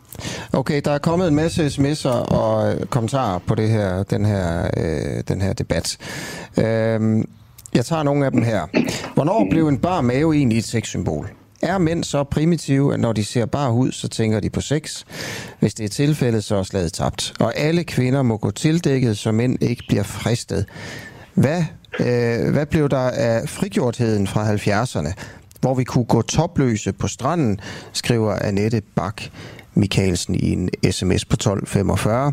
En anden, øh, det er Peter, der skriver her øh, på sms. Det er i min optik ok med et minimum af dress code, også blandt skoleelever. Ikke alle maver egner sig for den slags eksponering, og vil derfor eksponentielt kunne stigmatisere skriver altså Peter, der simpelthen måske mener, at nogle maver egner sig, og andre ikke gør. Øhm, og Torben skriver også på sms'en, andre behøver ikke blande sig i, hvad en lokal skole har af regler. Masser af private skoler har regler af den slags. Og må ikke en hel arbejdsplads, øh, en hel del arbejdspladser vil tage nej til den slags påklædning hos de ansatte. De store elever på en skole må gerne lære af påklædning, ikke kun er en privat sag, skriver altså Torben Jensen fra Aarhus. Øh, det kan være, at jeg tager nogle flere øh, øh, her. Og så er der en af øh, Clara, øh, som arbejder her, der skriver, må man godt have crop top på på den uafhængige? Det er måske et spørgsmål til mig. Øh, og jamen, det må man godt. Det her med, øh, det må man faktisk godt. Øh, både mænd og kvinder må have det på. Men prøv at der er mange, der skriver om det her øh, med, med, hvor går grænsen? Så er der en, der siger, hvad er der blevet frigjortheden i 70'erne, hvor vi går med, med bare bryster og sådan noget? Altså, må, må jeg prøve at spørge dig som borgmester her, hvis, hvis, ja. hvis, hvis elever og lærere, kvindelige elever og lærere, begyndte at gå i bare bryster i skole. Det er jo et tænkt eksempel, det er jeg også klar over. Men det er for at få det til, til, til, til, yeah. til, til yderlighederne her. Mener yeah. du så, at det vil være okay med regler for, at lige præcis den hud, der på brystet, lige over maven og under skuldrene, altså den må ikke være bare? Lige præcis. Det må den selvfølgelig ikke. Det må den altså, ikke. Det, det må den ikke. Okay, hvilke, hvilke andre hud, øh, hud, øh, hud må ikke være bart, øh, ifølge dig på dine skoler i Vejle? Jamen, jeg tror, at øh, det der med, at vi lader det være op til det, til det enkelte, altså at vi alle sammen som mennesker og enkelte individ, der har vi jo en øh, fuldstændig normal øh, kodex øh, til, hvordan man går klædt øh, hvis der er et øh, modefænomen i øjeblikket, hvor man går i, i noget, der hedder crop tops, hvor man kan se et stykke af maven. Øh, det er ikke noget, der støder mig. Øh, det er heller ikke noget, der forvirrer mig. Eller hvad. Altså, jeg, jeg synes jo, at øh, det må være meget op til hver enkelt person. Hvis det så er noget, der bliver et problem på en enkelt skole, at, øh, at de der øh, enkelte beklædningsstande bliver for korte, eller for gennemsigtige, eller for udfordrende, så synes jeg, at man skal tage en, en dialog om det, frem for at lave øh, egentlige forbud. Nu sag, sagde du det her med, at øh, du sagde helt klart, at hvis øh, øh, kvinder og piger på en folkeskole begynder at gå topløse, så vil du trænge streg i sandet der. Hvad med, med drenge og mænd? Må de godt en varm sommerdag løbe rundt i skolegården øh, uden t-shirt på? Ja, altså det, øh, det, det synes jeg jo ikke, at der er noget i vejen for, hvis man er ude og dyrke sport i et frikvarter, og man spiller fodbold, og der er nogle af drengene, der tager, tager en t-shirt af. Det, det kan jeg ikke se noget problem i. Det er da interessant. Hvad er forskellen? Øh, ja, det, øh, det synes jeg er ret åbenlyst, at, øh, at øh, sådan, efter normal kodex i Danmark i hvert fald, så øh, går piger øh, og kvinder med deres øh, bryster dækket, og det tror jeg vil være meget, meget usædvanligt, øh, hvis det var sådan, at man i et frikvarter øh, så øh, piger rende rundt øh, uden t-shirt. Må en øh, QTIBIPOC-person have bar mave? Hvad, så skal du lige prøve at definere en... Det kan jeg ikke. Det, du sagde. Det, Nej, det okay. kan jeg ikke. Men ved du hvad, tusind tak, fordi du vil være med. Ja, det er i orden. Det er godt, du. Okay. Det er godt, tak. Ja, og Hej. det er altså borgmesteren i Vejle, der stillede op til uh, interview her. Du lytter til Den Uafhængige. Danmarks måske mest kritiske, nysgerrige og levende taleradio. Som politikerne ikke kan lukke. Mere end 3.000 medlemmer støtter os allerede. Og jo flere vi er, jo mere og jo bedre journalistik kan vi sende ud til dig. Se hvordan du kan støtte os. Gå ind på duah.dk.